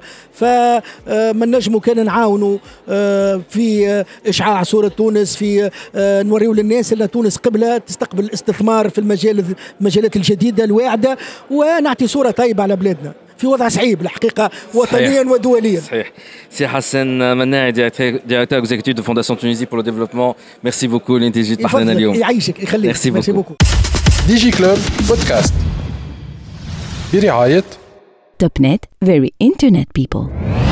Huawei, au service de la Tunisie depuis 1999. مازلنا نحن في السيتيك افريكا في ابيجان اي معنا توا صافي مجدوب ديريكتريس دي بروغرام ا ذا دوت اهلا وسهلا بك صافي عسلامة وليد مستانسين ديما نتقابلوا في ذا دوت في Ouais, تونس ouais. انا توا تقابلنا في ابيجان Ouais. ساعة اللي يتفرجوا فينا بتاتخ ما يعرفوش شنو هي ذا دوت رابيدمون Donc euh, The Dot, c'est le premier hub d'innovation digitale en Tunisie. On est Norta The Dot, le point qui lie tout l'écosystème dans un seul euh, espace. Voilà. فوالا هو ديجا تنجموا تدخلوا على لي لي توت لي انترفيو نتاع ذا دوت اللي هو يقول لكم كيفاش تنجموا آه vous bénéficiez de l'écosystème rapidement. Oui. En, en fait, on a dans un même espace des startups hébergées, on a des structures d'accompagnement, euh, des, accélérateurs, des incubateurs. On est des partenaires euh, de plusieurs euh, structures d'accompagnement en Tunisie. On a aussi le Digital Transformation Center de la GIZ au sein de The Dot qui travaille sur la digitalisation du secteur public et privé. Voilà. Bah voilà, en tout cas c'est très intéressant. Euh, وتنجموا تزوروهم في آه، لارج برج لاك 1. Lac 1, oui. لاك 1 باش تنجموا تعرفوا اكثر لا salle polyvalente que l'écosystème peut exploiter gratuitement Ouais, ouais. باش ينجموا يعملوا les réunions نتاعهم ولا les présentations les Les- conférences de presse. Voilà, on a, on a des salles euh, équipées, euh, ouvertes gratuitement à tout l'écosystème. euh, et Voilà, هذا كله pour le soutien تاع l'écosystème. Voilà, voilà. Et si The Dot موجودة اليوم في أبيجان c'est aussi pour soutenir l'écosystème. كنت Oui. تحكي لنا أكثر. Euh, en fait, euh, The euh, on, on est là pour soutenir les startups, pour, ceux qui n'ont pas pu venir ici, on, collecte des informations, on, cherche des, opportunités pour eux et après, nous avons ces opportunités. Moi, je les startups en relation directe avec The Dot, mais aussi les bénéficiaires des SSO partenaires, les structures d'accompagnement partenaires.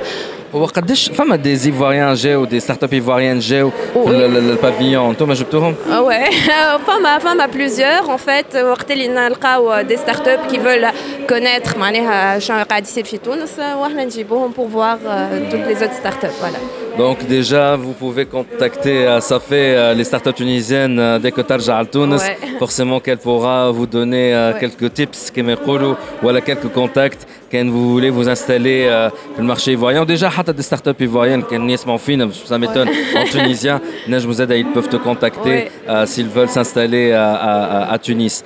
très très rapidement, le The Dot ماهيش أول مرة تكون à niveau international. Ouais, ouais. Euh, déjà وحكينا مع سليمة زيلي في الموبايل وورد كونغرس في Ouais. برشلونة donc là c'est la deuxième fois. Euh, il y aura bientôt un autre événement. Ouais, C'est Inch'Allah. quoi l'événement C'est Vivatech, on sera aussi présent à Vivatech.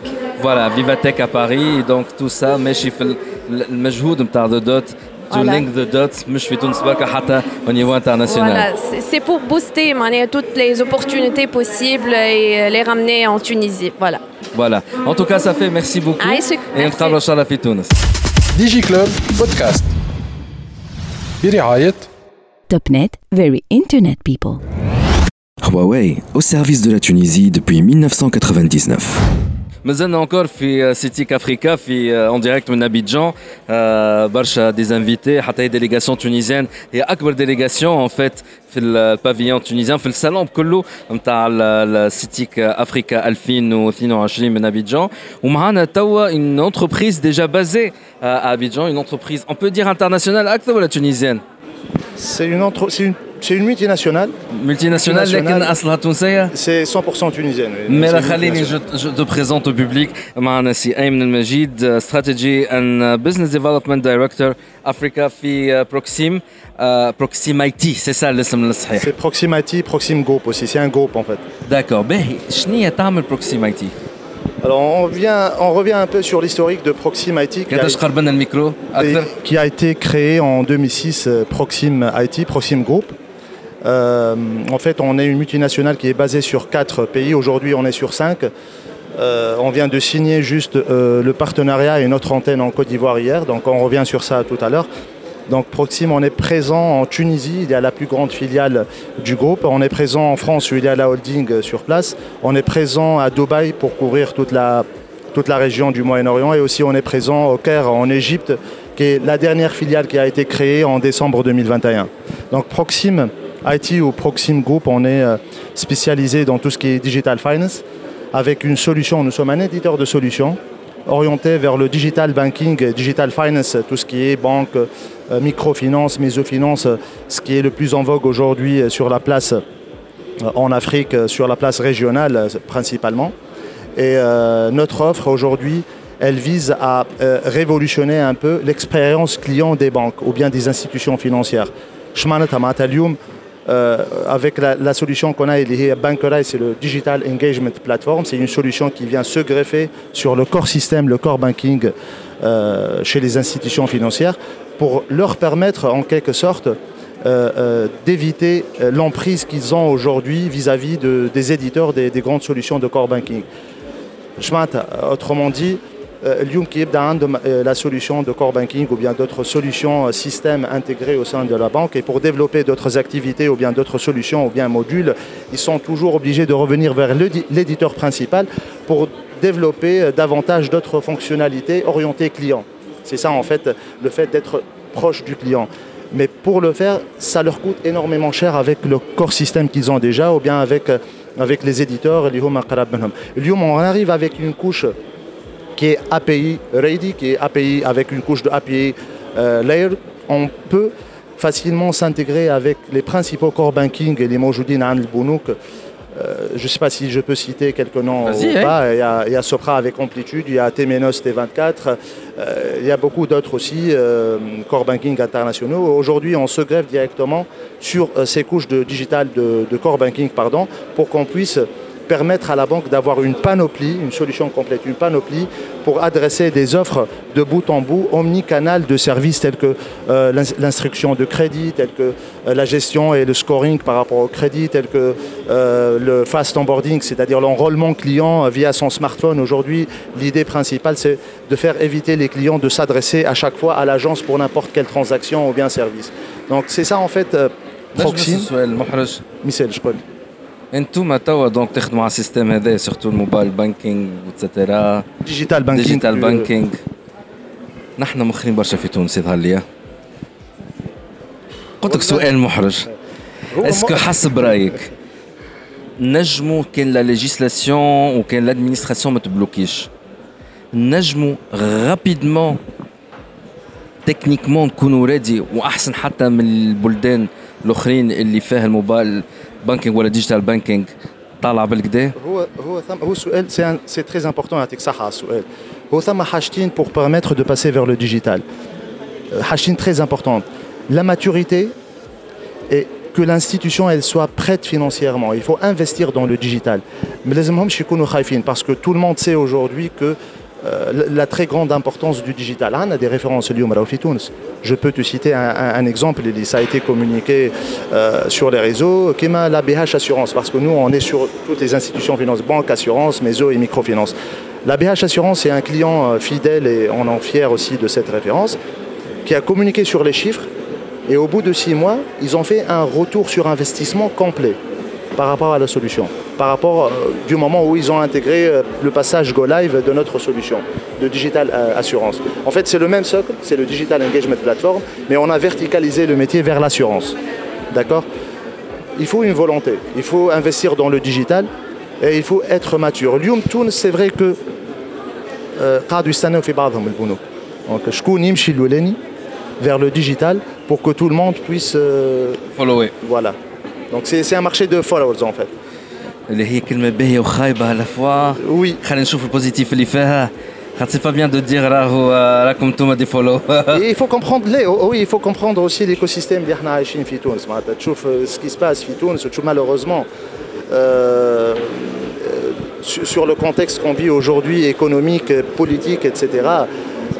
on sait que follower ولا نبداو حاجه ما نكملوش فيها ولا نبداو حاجه ما نكملوش حتى تشوف dans, dans le domaine de l'étatique في تونس اليوم on est des références malheureusement alors, par rapport aux pays de, sub, sub, du sub-Sahara, sub, l'Afrique subsaharienne. subsaharienne اليوم on est une référence pour eux حتى راهو في l'Afrique du Nord on est des références pour eux et malgré ça مانيش قاعدين نقدموا برشا خلينا نشدوا في البوزيتيف وما نحبش نقعدوا نحكيوا برشا خاطر تعرف شنو فما وما فماش وتعرف Bah écoute, en tout cas, on garde le positif et les proximity déjà, c'est un groupe, à la base Tunsi et donc voilà international ou ماشي قاعد يكبر.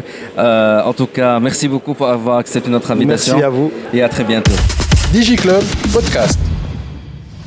برعاية Topnet, very internet people. Huawei, au service de la Tunisie depuis 1999. مازلنا في سيتيك افريكا مازلنا في البافيون تونيزيان خاصه في السيكسيون اللي تابعه للمينيستير دي تكنولوجي آه لكن زاد كي نحكيو على الديليغاسيون تونيزيان آه مش بالضروره في الدومين تاع التكنولوجي زاد في الدومين فينانسي معايا مدام منى سعيد ديليغي جينيرال دو اللي كانت اسمها لاسوسياسيون دو لاسوسياسيون بروفيسيونيل دي بانك اللي هي تو ولات conseil conseil bancaire et financier عملوا ريبراندينغ dernièrement exactement généralement à l'occasion de notre 50e anniversaire. Effectivement, nous généralement le secteur depuis 15 ans, c'est le secteur des technologies, bien que la technologie ou le finance d'être ou la femme des startups, le domaine de la fintech, etc. etc. Mais quand nous avons اليوم في دي جي كلوب مدام على خاطر البارح il y a eu une signature c'est le deuxième jour de la de, du CITIC il y a une signature البارح très importante euh, du côté tunisien du côté ivoirien كيفاش تحكي عليها اكثر مدام كتاش تحكينا اكثر على السيناتور اللي صارت bien sûr. Euh, au fait احنا on est partenaire du CITIC euh, on a un forum dédié euh, aux instru instruments financiers numériques euh, depuis 5 ans euh, et c'est à l'occasion du forum qu'on a signé la convention de collaboration entre euh, Conseil bancaire et financier et l'Association des banques ivoiriennes. Euh, l'objectif وعلاش que vient faire cette convention في مع digital tout est lié au fait احنا شنو الدور نتاعنا كجمعيه احنا on accompagne nos membres اللي هما les banques et les établissements financiers dans leur développement d'une façon générale اليوم les banques s'intéressent au digital en même temps, la banque, elle est euh, utilisatrice de, de, de, services digitaux. Elle, elle, elle, propose des services digitaux et euh, utilisatrice et fournisseur de, solutions digitales. Donc, euh, euh on, euh, on, traite du, de, du sujet. Mais le digital n'est pas une fin en soi, digital, c'est pour mieux euh, anticiper et servir le client à la fin. Donc, euh, les, les, a un besoin euh, femme a un besoin, femme a des clients, euh, voilà, des, des, des, opérateurs qui s'installent en Côte d'Ivoire. Hachtom une présence euh, d'une banque pour les accompagner.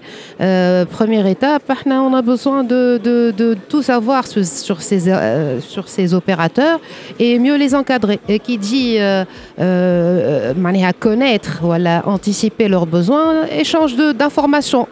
Euh, c'est là où le digital peut servir euh, énormément euh, en termes d'instantanéité, de disponibilité de la data, en termes d'études sectorielles, d'analyse de, de, données sur, sur les secteurs d'activité et tout ça pour aboutir in fine à, encadrer mieux ses, clients et peut-être même envisager l'implémentation d'une banque sur place. Donc c'est très lié. Exactement. Le digital ou, le, ou, le, la banque. Ou la banque ou C'est très digital. La convention, la convention, je euh, les, les banques, euh, que ce soit tunisiennes ou ivoiriennes, sont face au même défi. Euh, que ce soit en termes de gestion des risques ou en termes de, de, euh, renforcement des capacités du capital humain, le changement qu'on est en train de vivre. Euh, voilà, la révolution technologique qu'on est en train de vivre, ça, va se traduire aussi par un besoin d'un renforcement des capacités. Il faut que le capital humain suive pour, euh, pour maîtriser ces nouvelles technologies ou je m'y sers mieux le client de la banque au final. Donc il y a beaucoup d'échanges à faire puisqu'on est face au, au même euh, défi. Euh, il y a une un échange de, meilleures pratiques entre les banques tunisiennes et ivoiriennes.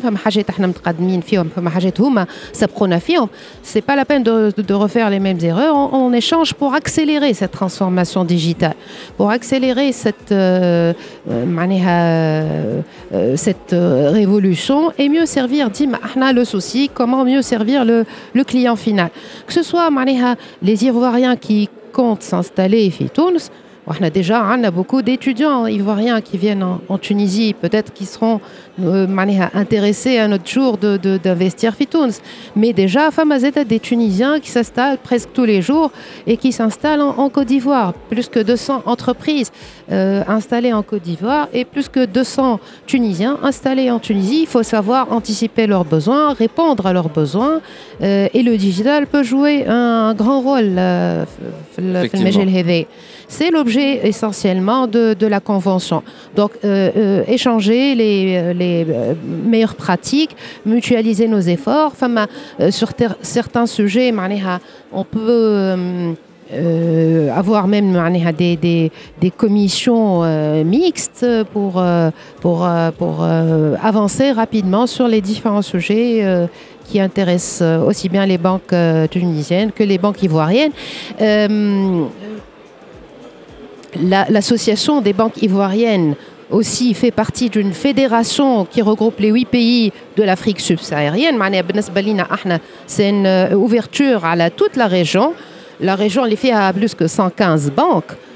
Ce n'est pas à travers la convention et c'est au-delà, c'est toute la région qui, euh, qui s'ouvre à nous. Euh, kif kif, ahna, on sert de relais pour, tout, pour toute cette, euh, cette, euh, cette fédération. Andom, la même banque centrale. Euh, on a beaucoup de. D'ailleurs, beaucoup de choses, beaucoup d'échanges. Déjà, fi, Nhar. Qui sont très intéressants. Très intéressants et très. les échanges étaient très, très fructueux où déjà le forum l'Itawa il est en train de se dérouler. Il a été co-construit par l'association interne l'association des banques ivoiriennes. Vous avez les panels ils sont il y a aussi bien les euh, -hmm. c'est une forme de collaboration c'est ouais. du concret déjà. Et euh, qui, chauffe à l'engouement pour le forum. La salle est pleine ouais. euh, les échanges sont, sont très très riches. Et on va euh, construire dessus ça c'est une première étape et on va construire dessus. Le, timing Mohem et le digital va nous permettre de, de, de, de, réduire les, euh, les délais, Inch'Allah, et d'abroger. Inch'Allah, Inch'Allah, en tout euh, cas, on entendra euh, Hajat Tahfouni Barsha et des initiatives qui mènent à Et c'est la raison d'être de, cette, de cette initiative-là, surtout en marge du forum et du salon, en fait, Citic Africa. Merci beaucoup, madame. DigiClub Podcast.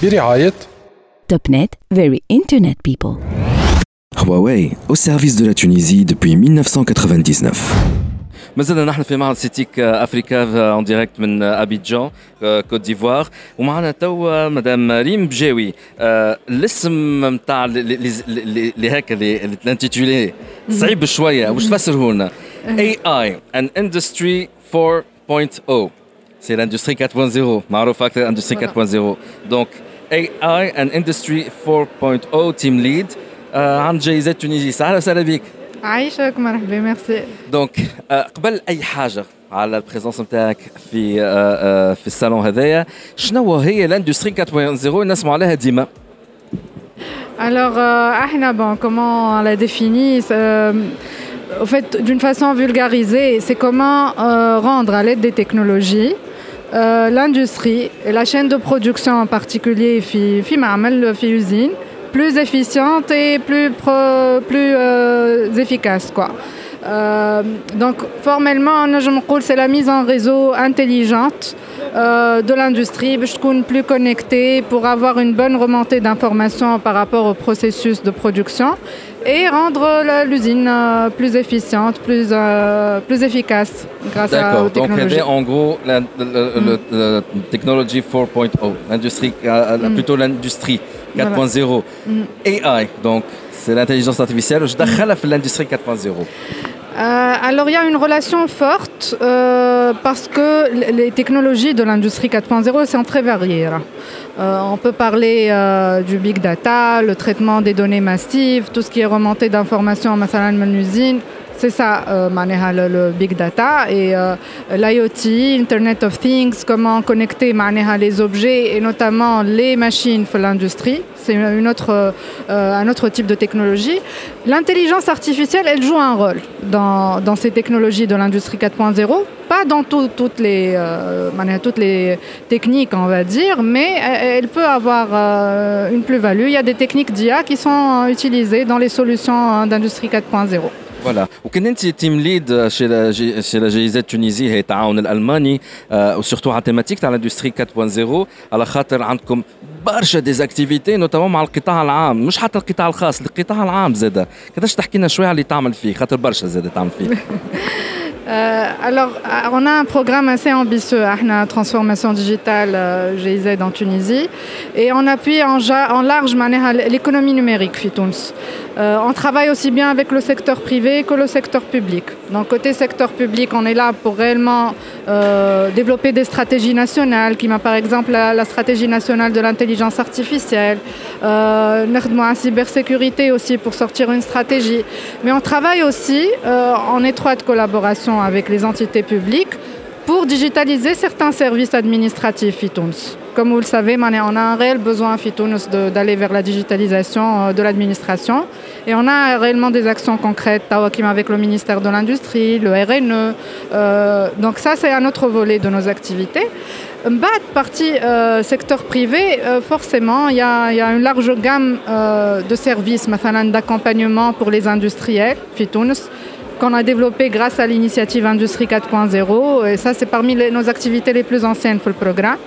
Donc, on a développé euh, deux centres de compétences ce qui ont développé l'expertise et le, savoir-faire pour accompagner le secteur privé et en particulier les PME euh, manufacturières FITUNS pour intégrer des solutions Industrie 4.0.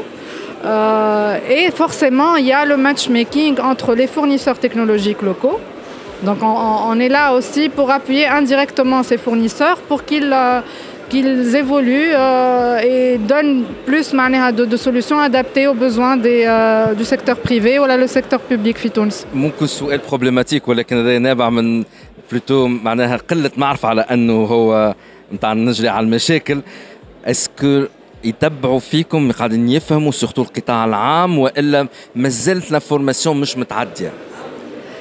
Euh, bon, avec ce qu'on a commencé comme projet, et d'ailleurs, si on veut commencer des projets réellement de, de, réorganisation des processus administratifs, parce que quand on digitalise, forcément, il y a un impact direct à l'organisation de l'administration. Euh, on s'assure qu'il y a vraiment l'ownership, à côté partenaire. Euh, Il y a le- le- la motivation pour vraiment changer manière, les pratiques et être dans la digitalisation. Et il y a une certaine conduite du changement qu'on met en place. Et, et forcément, on veut s'assurer du succès des projets. Donc là où on avance, on s'assure d'avoir ces, euh, ces atouts. D'accord. Par Euh, rapport maintenant à la CITIC Africa, donc la GIZ elle est partenaire à l'Ouzara ou le, pavillon tunisien. Une grande délégation jette l'événement et notamment grâce à la GIZ euh, et au boost de la GIZ. Et surtout, il y a toute une partie, grâce à l'industrie 4.0, il y a un forum carrément euh, dédié à l'industrie 4.0. Ça a qu'à la participation de Théacom à Lyon, Salon Africa. Voilà, donc Lyoum, c'est le deuxième jour. Euh, le premier jour, euh, c'était vraiment la journée Industrie 4.0 parce qu'il y a eu un forum dé- dédié à la thématique euh, qui a été inauguré par le ministre ivoirien euh, de l'Industrie. On a un représentant euh, côté ministère de l'Industrie aussi de notre ministre de l'Industrie. Donc c'était vraiment assez, assez important comme forum. Mais surtout, il y a eu des discussions et un partage d'expérience, de l'expérience tunisienne par rapport à, à no- à notre initiative et ce qu'on a mis en place FITOUNS euh, comme modèle de gouvernance par rapport à cette initiative, comme projet concret qui marque à travers les centres de compétences. Et tout ce savoir-faire euh, et euh, cette expérience, on était là pour la partager au niveau du forum. Euh, on a un pavillon Industrie 4.0 au le village l'année avec quatre fournisseurs technologiques Touensa qui ont des produits et des services dans l'industrie 4.0 qui ont la capacité de s'exporter dans un marché africain. Donc euh, ils sont là avec nous, euh, et ils, étaient, ils faisaient partie du panel et on a eu beaucoup d'interactions, on est très contents Mania, parce que euh, sent qu'il y a eu une certaine valeur ajoutée et on est fiers de notre, délégation dans la délégation entière. En tout cas, c'est très bien euh, et félicitations à tout le travail que tu as fait ou le team à l'industrie 4.0. Ce n'est pas une tâche euh, mm. facile, mais il faut quand même mettre à l'air du temps, surtout elle est, mm. maintenant la technologie, elle est transversale. En tout mm. cas, Arim, merci beaucoup et bon courage. Merci. Euh, je peux donner un petit remerciement à la fin parce que tout ce qu'on fait, c'est grâce à nos partenaires aussi. On a comme partenaire le ministère des Technologies de, de la Communication, le ministère de l'Industrie, de l'Énergie et des Mines, qui sont représentés avec nous dans cette délégation. Donc, euh, je les remercie parce qu'ils sont vraiment impliqués avec nous et qu'on arrive à avancer grâce à eux. Et forcément, on a aussi notre écosystème et nos partenaires euh, privés, euh, Novation City, euh, Technopole de Sfax, euh, euh, et voilà, et toutes les entreprises qui étaient avec nous et qui, euh, qui étaient motivées aussi, j'aimerais beaucoup les remercier. Bah, merci à eux en tout cas, merci à vous aussi et à très bientôt. DigiClub بودكاست برعاية Topnet, very internet people. Huawei, au service de la Tunisie depuis 1999. مازلنا في الفيلاج تونيزيان في السيتيك افريكا وتوا معنا صديقة البرنامج حبيبة الملايين اللي تعدت قداش مرة معنا ويظهر في كل محضر. الحمد لله تحضر ان توكا الكرة شعر الله تحضر. معنا إيمان موان اللي هي سينيور مانجر شي اي واي تونيزي أهلا وسهلا بك أهلا وليد شنو احوالك؟ والله الحمد لله. هي معروفة في السيكتور اللي ديما السوتيان على الأخر اللي ستارت اب وديجا في الموبايل وورد كونغرس آخر مرة تقابلنا. حتى هذاك لا كاسكيت إي واي مشيت تدافع على الستارت اب تونيزيان وي. نحن تو موجودين دونك في ابيجان وهكا زاده موجوده معنا وي. دونك تنجم تحكي لنا رابيدمون شنو هي البريزونس نتاعك انت اليوم علاش موجوده Alors, euh, علاش موجودين في Citic Africa Donc, pour promouvoir l'open innovation. Donc, avec euh, le bureau ivoirien, EY Côte d'Ivoire, et notre partenaire GIZ, nous avons animé aujourd'hui un panel sur l'open innovation, où le fait en fait, c'est de parler de notre expérience, euh, Scanlan Match notamment, puis Tunis, et à quel point l'écosystème en Tunisie euh, est prêt باش يخدم على enfin باش يخدم على l'open innovation ولا collaboration entre entreprises, grandes entreprises et startups.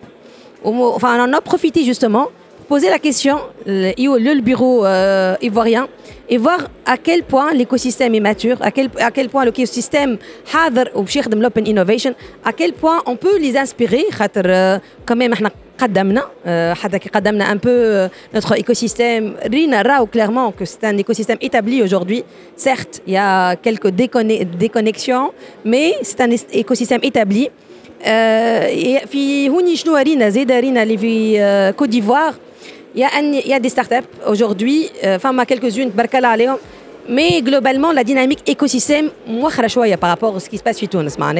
On, on l'a dit, le, le bureau ivoirien l'a dit. Alors, donc pendant le panel, on a, eu ben, pas mal d'interactions. Il y a eu de la présence euh, ben, des acteurs de l'écosystème ivoirien, l'écosystème tunisien. Et c'était bien parce que c'était beaucoup d'interactions. Euh, le fait que justement, juste après CITIC Africa, Eli euh, le Côte d'Ivoire, avec le programme Open Innovation et pour les, pour les inspirer, pour le mettre en place, ou profiter et ramener des startups ivoiriennes euh, pour, et pour répondre aux besoins des entreprises Twinsa, mais aussi ramener euh, des startups Twinsa pour l'écosystème euh, ivoirien et faire profiter les entreprises, les les challenges. Toujours, en tant que EY, on est facilitateur entre les deux acteurs, entreprises et startups. Très bien, en tout cas, Imen Mawen, merci beaucoup pour tous les efforts et merci, de l'écosystème. Inch'Allah, on bientôt. Inch'Allah, effectivement. Merci beaucoup. Bye bye. DigiClub Podcast. نحن توا معنا اون دي ستارت اب بارتيسيبونت في في الفيلاج تونيزيان معنا سي اشرف عمار سي او دو ليبريكس اهلا اهلا وسهلا بك سي اشرف اهلا وسهلا شو تعمل ليبريكس اكزاكتومون Donc euh, LibreX, c'est une solution de, gestion de flux. Donc on gère les flux clients et les flux patients. Euh, donc on gère les files d'attente virtuelles, les files d'attente sur place et les rendez-vous en ligne. Et donc maintenant, la startup a été fondée au Artege Donc la startup a été fondée en 2019 euh, à Londres. donc à Manna'a, fait, fait, Londres et ça fait deux ans qu'on est à Tunis. Et, donc le marché tunisien, c'est Londres. دونك اليوم لقينا دونك اكثر راحتنا في المارشي التونسي فيو لو بوزوان وي فيو لو بوزوان دو لا فيل داتونت بيان سور اكزاكتومون دونك اليوم عندنا دي كليون دي غران كونت عندنا بلديات خدمنا مع جيزات على 28 بلديه دونك عندنا ابوبخي 68 بوان وين اليوم التونسي نجم ما يشدش فيها الصف فيزيكمون ونجم يشد الصف فيرتويلمون D'accord. انتم vous êtes présent en tant que LibreX euh, le salon Citic Africa. Euh, comment vous, vous, vous trouvez cette participation-là? Euh, bon, Côte d'Ivoire, tout d'abord, c'est un marché très intéressant pour les startups tunisiens. pas mal de startups, on a commencé à trouver des partenaires, ça fait des mois. Donc on a déjà اليوم عندي un partenaire ici, donc on est en, partenariat avec euh, un revendeur et euh, on travaille avec des banques déjà sur Côte d'Ivoire. Et euh, le salon déjà, ça, nous a aidé énormément à trouver des, autres clients potentiels et des revendeurs sur les autres marchés CFA comme le Sénégal et, voilà. Très bien, en tout cas, Shalom Merci. Et à très bientôt. DigiClub Podcast. معنا توا سي محمد دبابي سي او دو ديف تو ديف اهلا وسهلا بك عايشك دونك تنجم تحكي لنا رابيدمون على الستارت اب D'accord, donc euh, on est Dev to Dev, on est spécialisé dans le développement des systèmes d'information. Donc, euh, Tawa, on travaille avec les bureaux de change de devises. Donc euh, on fournit un système d'information qui digitalise complètement le métier euh, les bureaux de change, dans le sens où il y a tout ce qui est basique, donc les opérations de change, euh, achat, vente, etc. Mais en plus de ça, il y a la gestion de stock, les stocks en banque, les cours de change, etc. Euh, et, d'autres fonctionnalités comme la gestion des factures, un système hors ligne, etc. Donc euh, voilà, on digitalise les métiers. انتم موجودين اليوم في السيتيك افريكا كيفاش تحكي لنا على الريتور ديكسبيريونس نتاعكم في في السيتيك افريكا Bon bah honnêtement euh, le maximum on essaye d'avoir des partenaires ici. Euh, déjà euh, le village tunisien alors là il est excellent. Déjà bravo pour l'organisation honnêtement. Bravo à tous les partenaires. Exactement. Exactement. Mais euh, en ce qui nous concerne il y, a, des, y a des passagers genre qui vont, qui vont venir, euh, qui vont visiter notre stand, etc., qui vont demander des informations. Mais il y a aussi euh, ceux vers qui on va. Et euh, il y, a, y, a, vraiment des partenaires potentiels et on conseille en fait toutes les startups, même pour les prochaines éditions de, de Africa, de venir y participer. Bien. En tout cas, نحن نتمنى لكم إن شاء الله نجاحات. ونشوفوكم بيانتو حالين في الكوت ديفوار إن شاء الله. وحالين في برشا بلايص أخرين. ميرسي. بوكو. Merci beaucoup عايش. ديجي كلوب بودكاست ومعنا توا السي مالك عطله ديريكتور ديفلوبمون وات ناو أهلا وسهلا بك ساعة مرحبا. بك آه، مالك يظهر لي اسم وات ناو ولا معروف شوية Là, euh, en tout cas, on, on essaye de, de faire de, de plus en plus de bruit, mais surtout, on essaye d'avoir Maranta, le maximum d'impact avec, euh, avec les entreprises. فوالا كانت تنجم تحكي لل- اللي يسمعوا فينا واللي يتفرجوا فينا شنو هي وات ناو Oui. وشنو Donc- اخر اكتواليتي اللي تعرفتوا بها Ok. Donc, euh, Hey What Now, c'est une euh, donc start-up euh, d'efficacité énergétique. De, c'est une solution intelligente de gestion de l'énergie. Euh, نعاونوا en fait شركات باش ينقصوا في الفاتوره نتاعهم في الطاقه et sur l'empreinte carbone نتاعهم. Donc euh, dernièrement, en début d'année, on a fermé une levée de fonds de 1,3 million de dollars. Et Tawa, l'idée, effectivement, c'est c'est de partir à l'international, c'est de reproduire le- le- معناتها اللي عملناه في تونس باش نخرجوا لبرا ونمشيو لبرا معاه. Et euh, en essayant donc de travailler dima avec des, des, des structures, des multinationales, euh, pour avoir le, معناتها le, le, le, le plus d'impact euh, à- avec elles. Quoi. اي انتم parmi les startups اللي جنحوا لبرا نجم نقولوا Voilà, et on essaye en tout cas, on essaye de, de, de faire le maximum, on essaye de faire le mieux, Euh, on essaye de, haka- de, de, de, de, de, de, de réellement travailler euh, avec, avec ces, مازال ces, عندكم ces دي grands كليون groupes. برا ولا من الاخر اي عندنا دي فوالا كليون برا هو آه، خاطر هذاك هي اكثر حاجه صعيبه بالنسبه للستارت اب الانترناسيوناليزاسيون ولا نجموا نحكيو على شويه الكوتي انترناسيونال تاع وات ناو D'accord, ouais. ولا Donc, سي euh, استراتيجيك اون بو با en parler Bon, non, on peut, on peut, on peut, on peut toucher euh, Ah, t'es à- niche, ouais, à- ouais. un petit mot. Euh, donc, Tao, l'ob- l'objectif euh, sur l'internationalisation, c'est réellement de, de- de cibler le marché africain et euh, le Moyen-Orient en général. Donc, Tao Bdina, on a un client euh, au Maroc. euh, avec, le- avec lequel on, on- on- on est en cours de déploiement, donc euh, c'est- c'est c'est une très belle réussite euh, par rapport à ça. Et justement, à Tawa, on a la présence, allez, on est, on est plus جوستومون critique. علاش نحن موجودين في سيتيك افريكا وش سي- هي الامباكت نتاع الايفينمون هذايا عليك انت وعلى جيت اصلا Oh, le- l'événement, l'événement- enfin, l'impact euh, qu'on essaye en tout cas de, de trouver avec la participation au NEF, le, le Côte d'Ivoire, c'est réellement euh, commencer la prospection ciblée euh, avec les différents acteurs qui sont présents au NEF. Donc l'idée, c'est, c'est- c'est de trouver Maranta, des potentiels partenaires, de trouver des potentielles euh, associations, groupes avec lesquels on peut travailler main, main dans la main pour déployer le plus efficacement possible euh, et rapidement ici. Donc, le marché cible, c'est l'Afrique. Euh, la Côte d'Ivoire représente une excellente opportunité pour nous. Et donc on est là pour juger tout ça et Inch'Allah, euh, commencer des activités en cours de l'année. en tout cas, Mabrouk, Merci beaucoup. Merci. DigiClub Podcast. معنا توا أميمة خيخية اللي هي كوفاوندر تاع 7 8 أهلا وسهلا بك عسلامة يفضلك عايشك ميرسي دونك نش تحكي لنا شوية على 7 8 سي كوا Bien كوم sûr. ستارت اب Bien sûr. Donc, euh, 7-8 Prod, euh, donc c'est une société pour la conception graphique. Nous faisons de tout ce qui est la lignée graphique et la charte graphique de toute entreprise. Nous avons aussi une, euh, un nouveau projet qui est une plateforme pour la danse, c'est Cadence. Donc, euh, c'est en cours de développement. Donc, voilà, grosso modo. Mais en tout cas, vous avez déjà un projet en cours. Oui. خاطر انتم votre présence هنا مع الوزارة En tant que partenaire digital marketing. فوالا Ouais. خاطر ان فيت توت لا شارت جرافيك اللي تشوفوا فيها آه والديزاين تاع ال- ال- ال- اللي تعمل لي حتى اللي ورانا انت اللي خدمته Exactement. Et moi et Hamdi Travelsi, le fondateur. فوالا به آه شنو هي اللي ربحتوا خلينا نقولوا من سيت بارتيسيباسيون في ال- في الصالون اي سورتو ليكسبيريونس مع وزاره Et les bahtou, c'est le retour d'expérience, euh, la satisfaction euh, de, ministère, mais aussi c'est de travailler avec, euh, plein, avec un espace kbir bacha, avec un plan de travail kbir bacha. Donc on parle de 4 mètres, 9 mètres et 6 mètres, donc chose qui est très nouveau pour nous. Donc euh, on est habitué de faire de la création logotype, la charte graphique et tout. Donc توا خدنا نخدموا بالكبير، خدمنا حاجة كبيرة والحمد لله وصلت ل- لحاجة باهية. Ce qui est très bien pour une start-up اللي مازالت جديدة أن يكون عندها une référence كبيرة كي من هذايا وين زادة في سيتيك أفريكا في في أبيجان.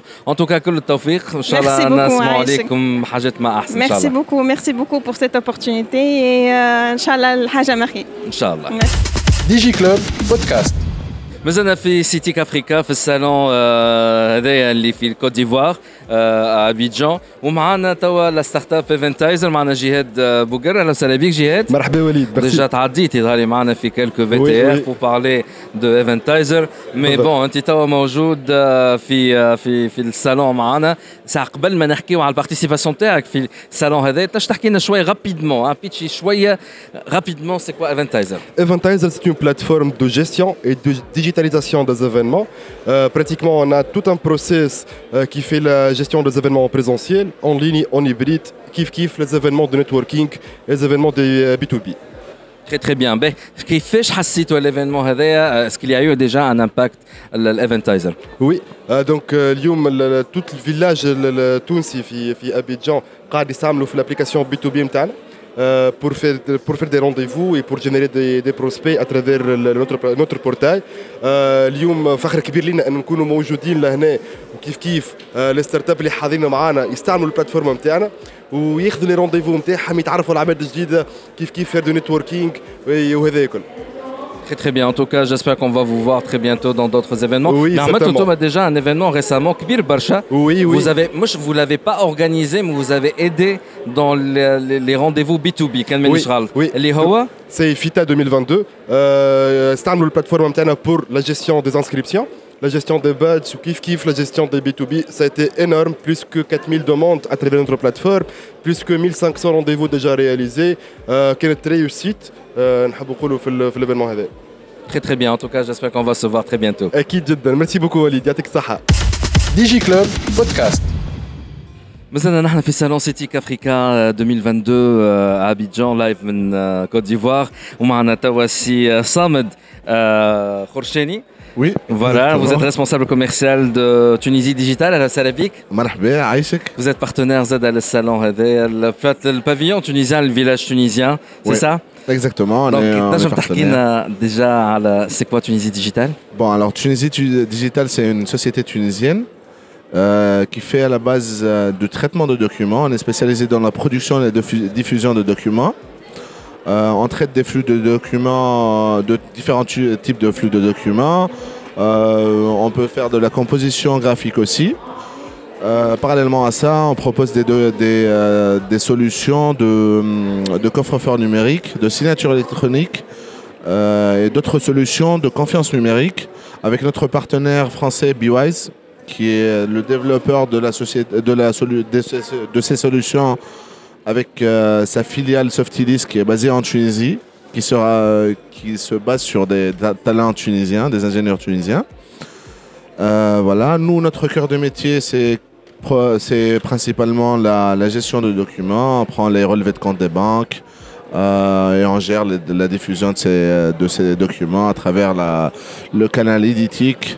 Mais aussi, on peut faire de l'ingestion sur plateforme, de, de- du mailing, de SMSing Et Très bien. euh, avec plusieurs options qu'on peut rajouter sur les documents. Mais co- étant donné qu'on n'a pas assez de temps, on- Si Rocheni, en tout cas, ce que j'ai compris, les- ce que j'ai compris en fait, les sociétés نتاعكم قاعدة تخدم تبارك الله عليها آه، في تونس ولكن اسكو موجودين انتم البرا زاد قاعدين عندكم d'autres représentations في d'autres بلدان؟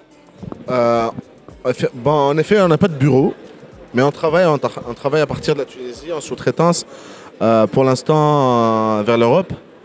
Nous principalement en France avec notre partenaire DataOne qui est le leader sur le marché de la relation client sur, dans le monde. Donc euh, on travaille avec, euh, bon, on a des contrats avec des, des grands groupes euh, français tels que TSI ou bien BNP. on fait la refonte avec eux, on fait la refonte de leur charte graphique et charte documentaire de, de tout le, toute l'institution. Donc euh, l'année 2022, jusqu'ici, on a fait un peu plus de 40 millions de, documents, euh, avec que en France. En Tunisie, on fait les, relevés de compte, quelques autres documents de banque. On est à une douzaine de partenaires et euh, en plus sur le marché financier, sur le secteur financier, on a une bonne vingtaine de partenaires.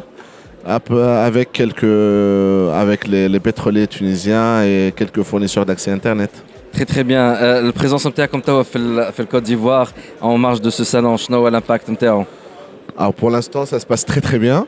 Euh, le pays est déjà مزيان على الاخر يعطيهم الصحة la réception محلاهم. Euh, انتوما pour l'organisation bravo يعطيكم الصحة. En tout cas, est-ce qu'il y a eu Euh, beaucoup de prospection, il y a eu beaucoup d'intérêt Ouais, de côté la part de- commercial, du côté ivoirien ouais. Côté commercial, on a déjà un partenaire qui est sur place, C'est une autre société, c'est pas la même société, mais on a déjà un partenaire qui est sur place.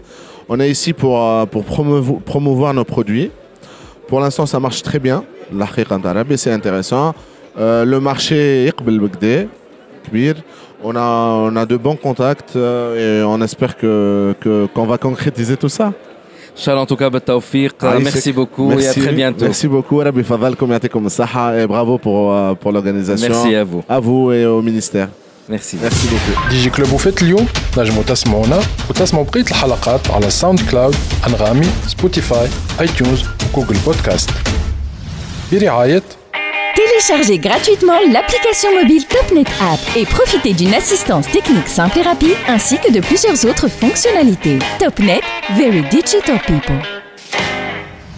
برعاية Huawei, au service de la Tunisie depuis 1999.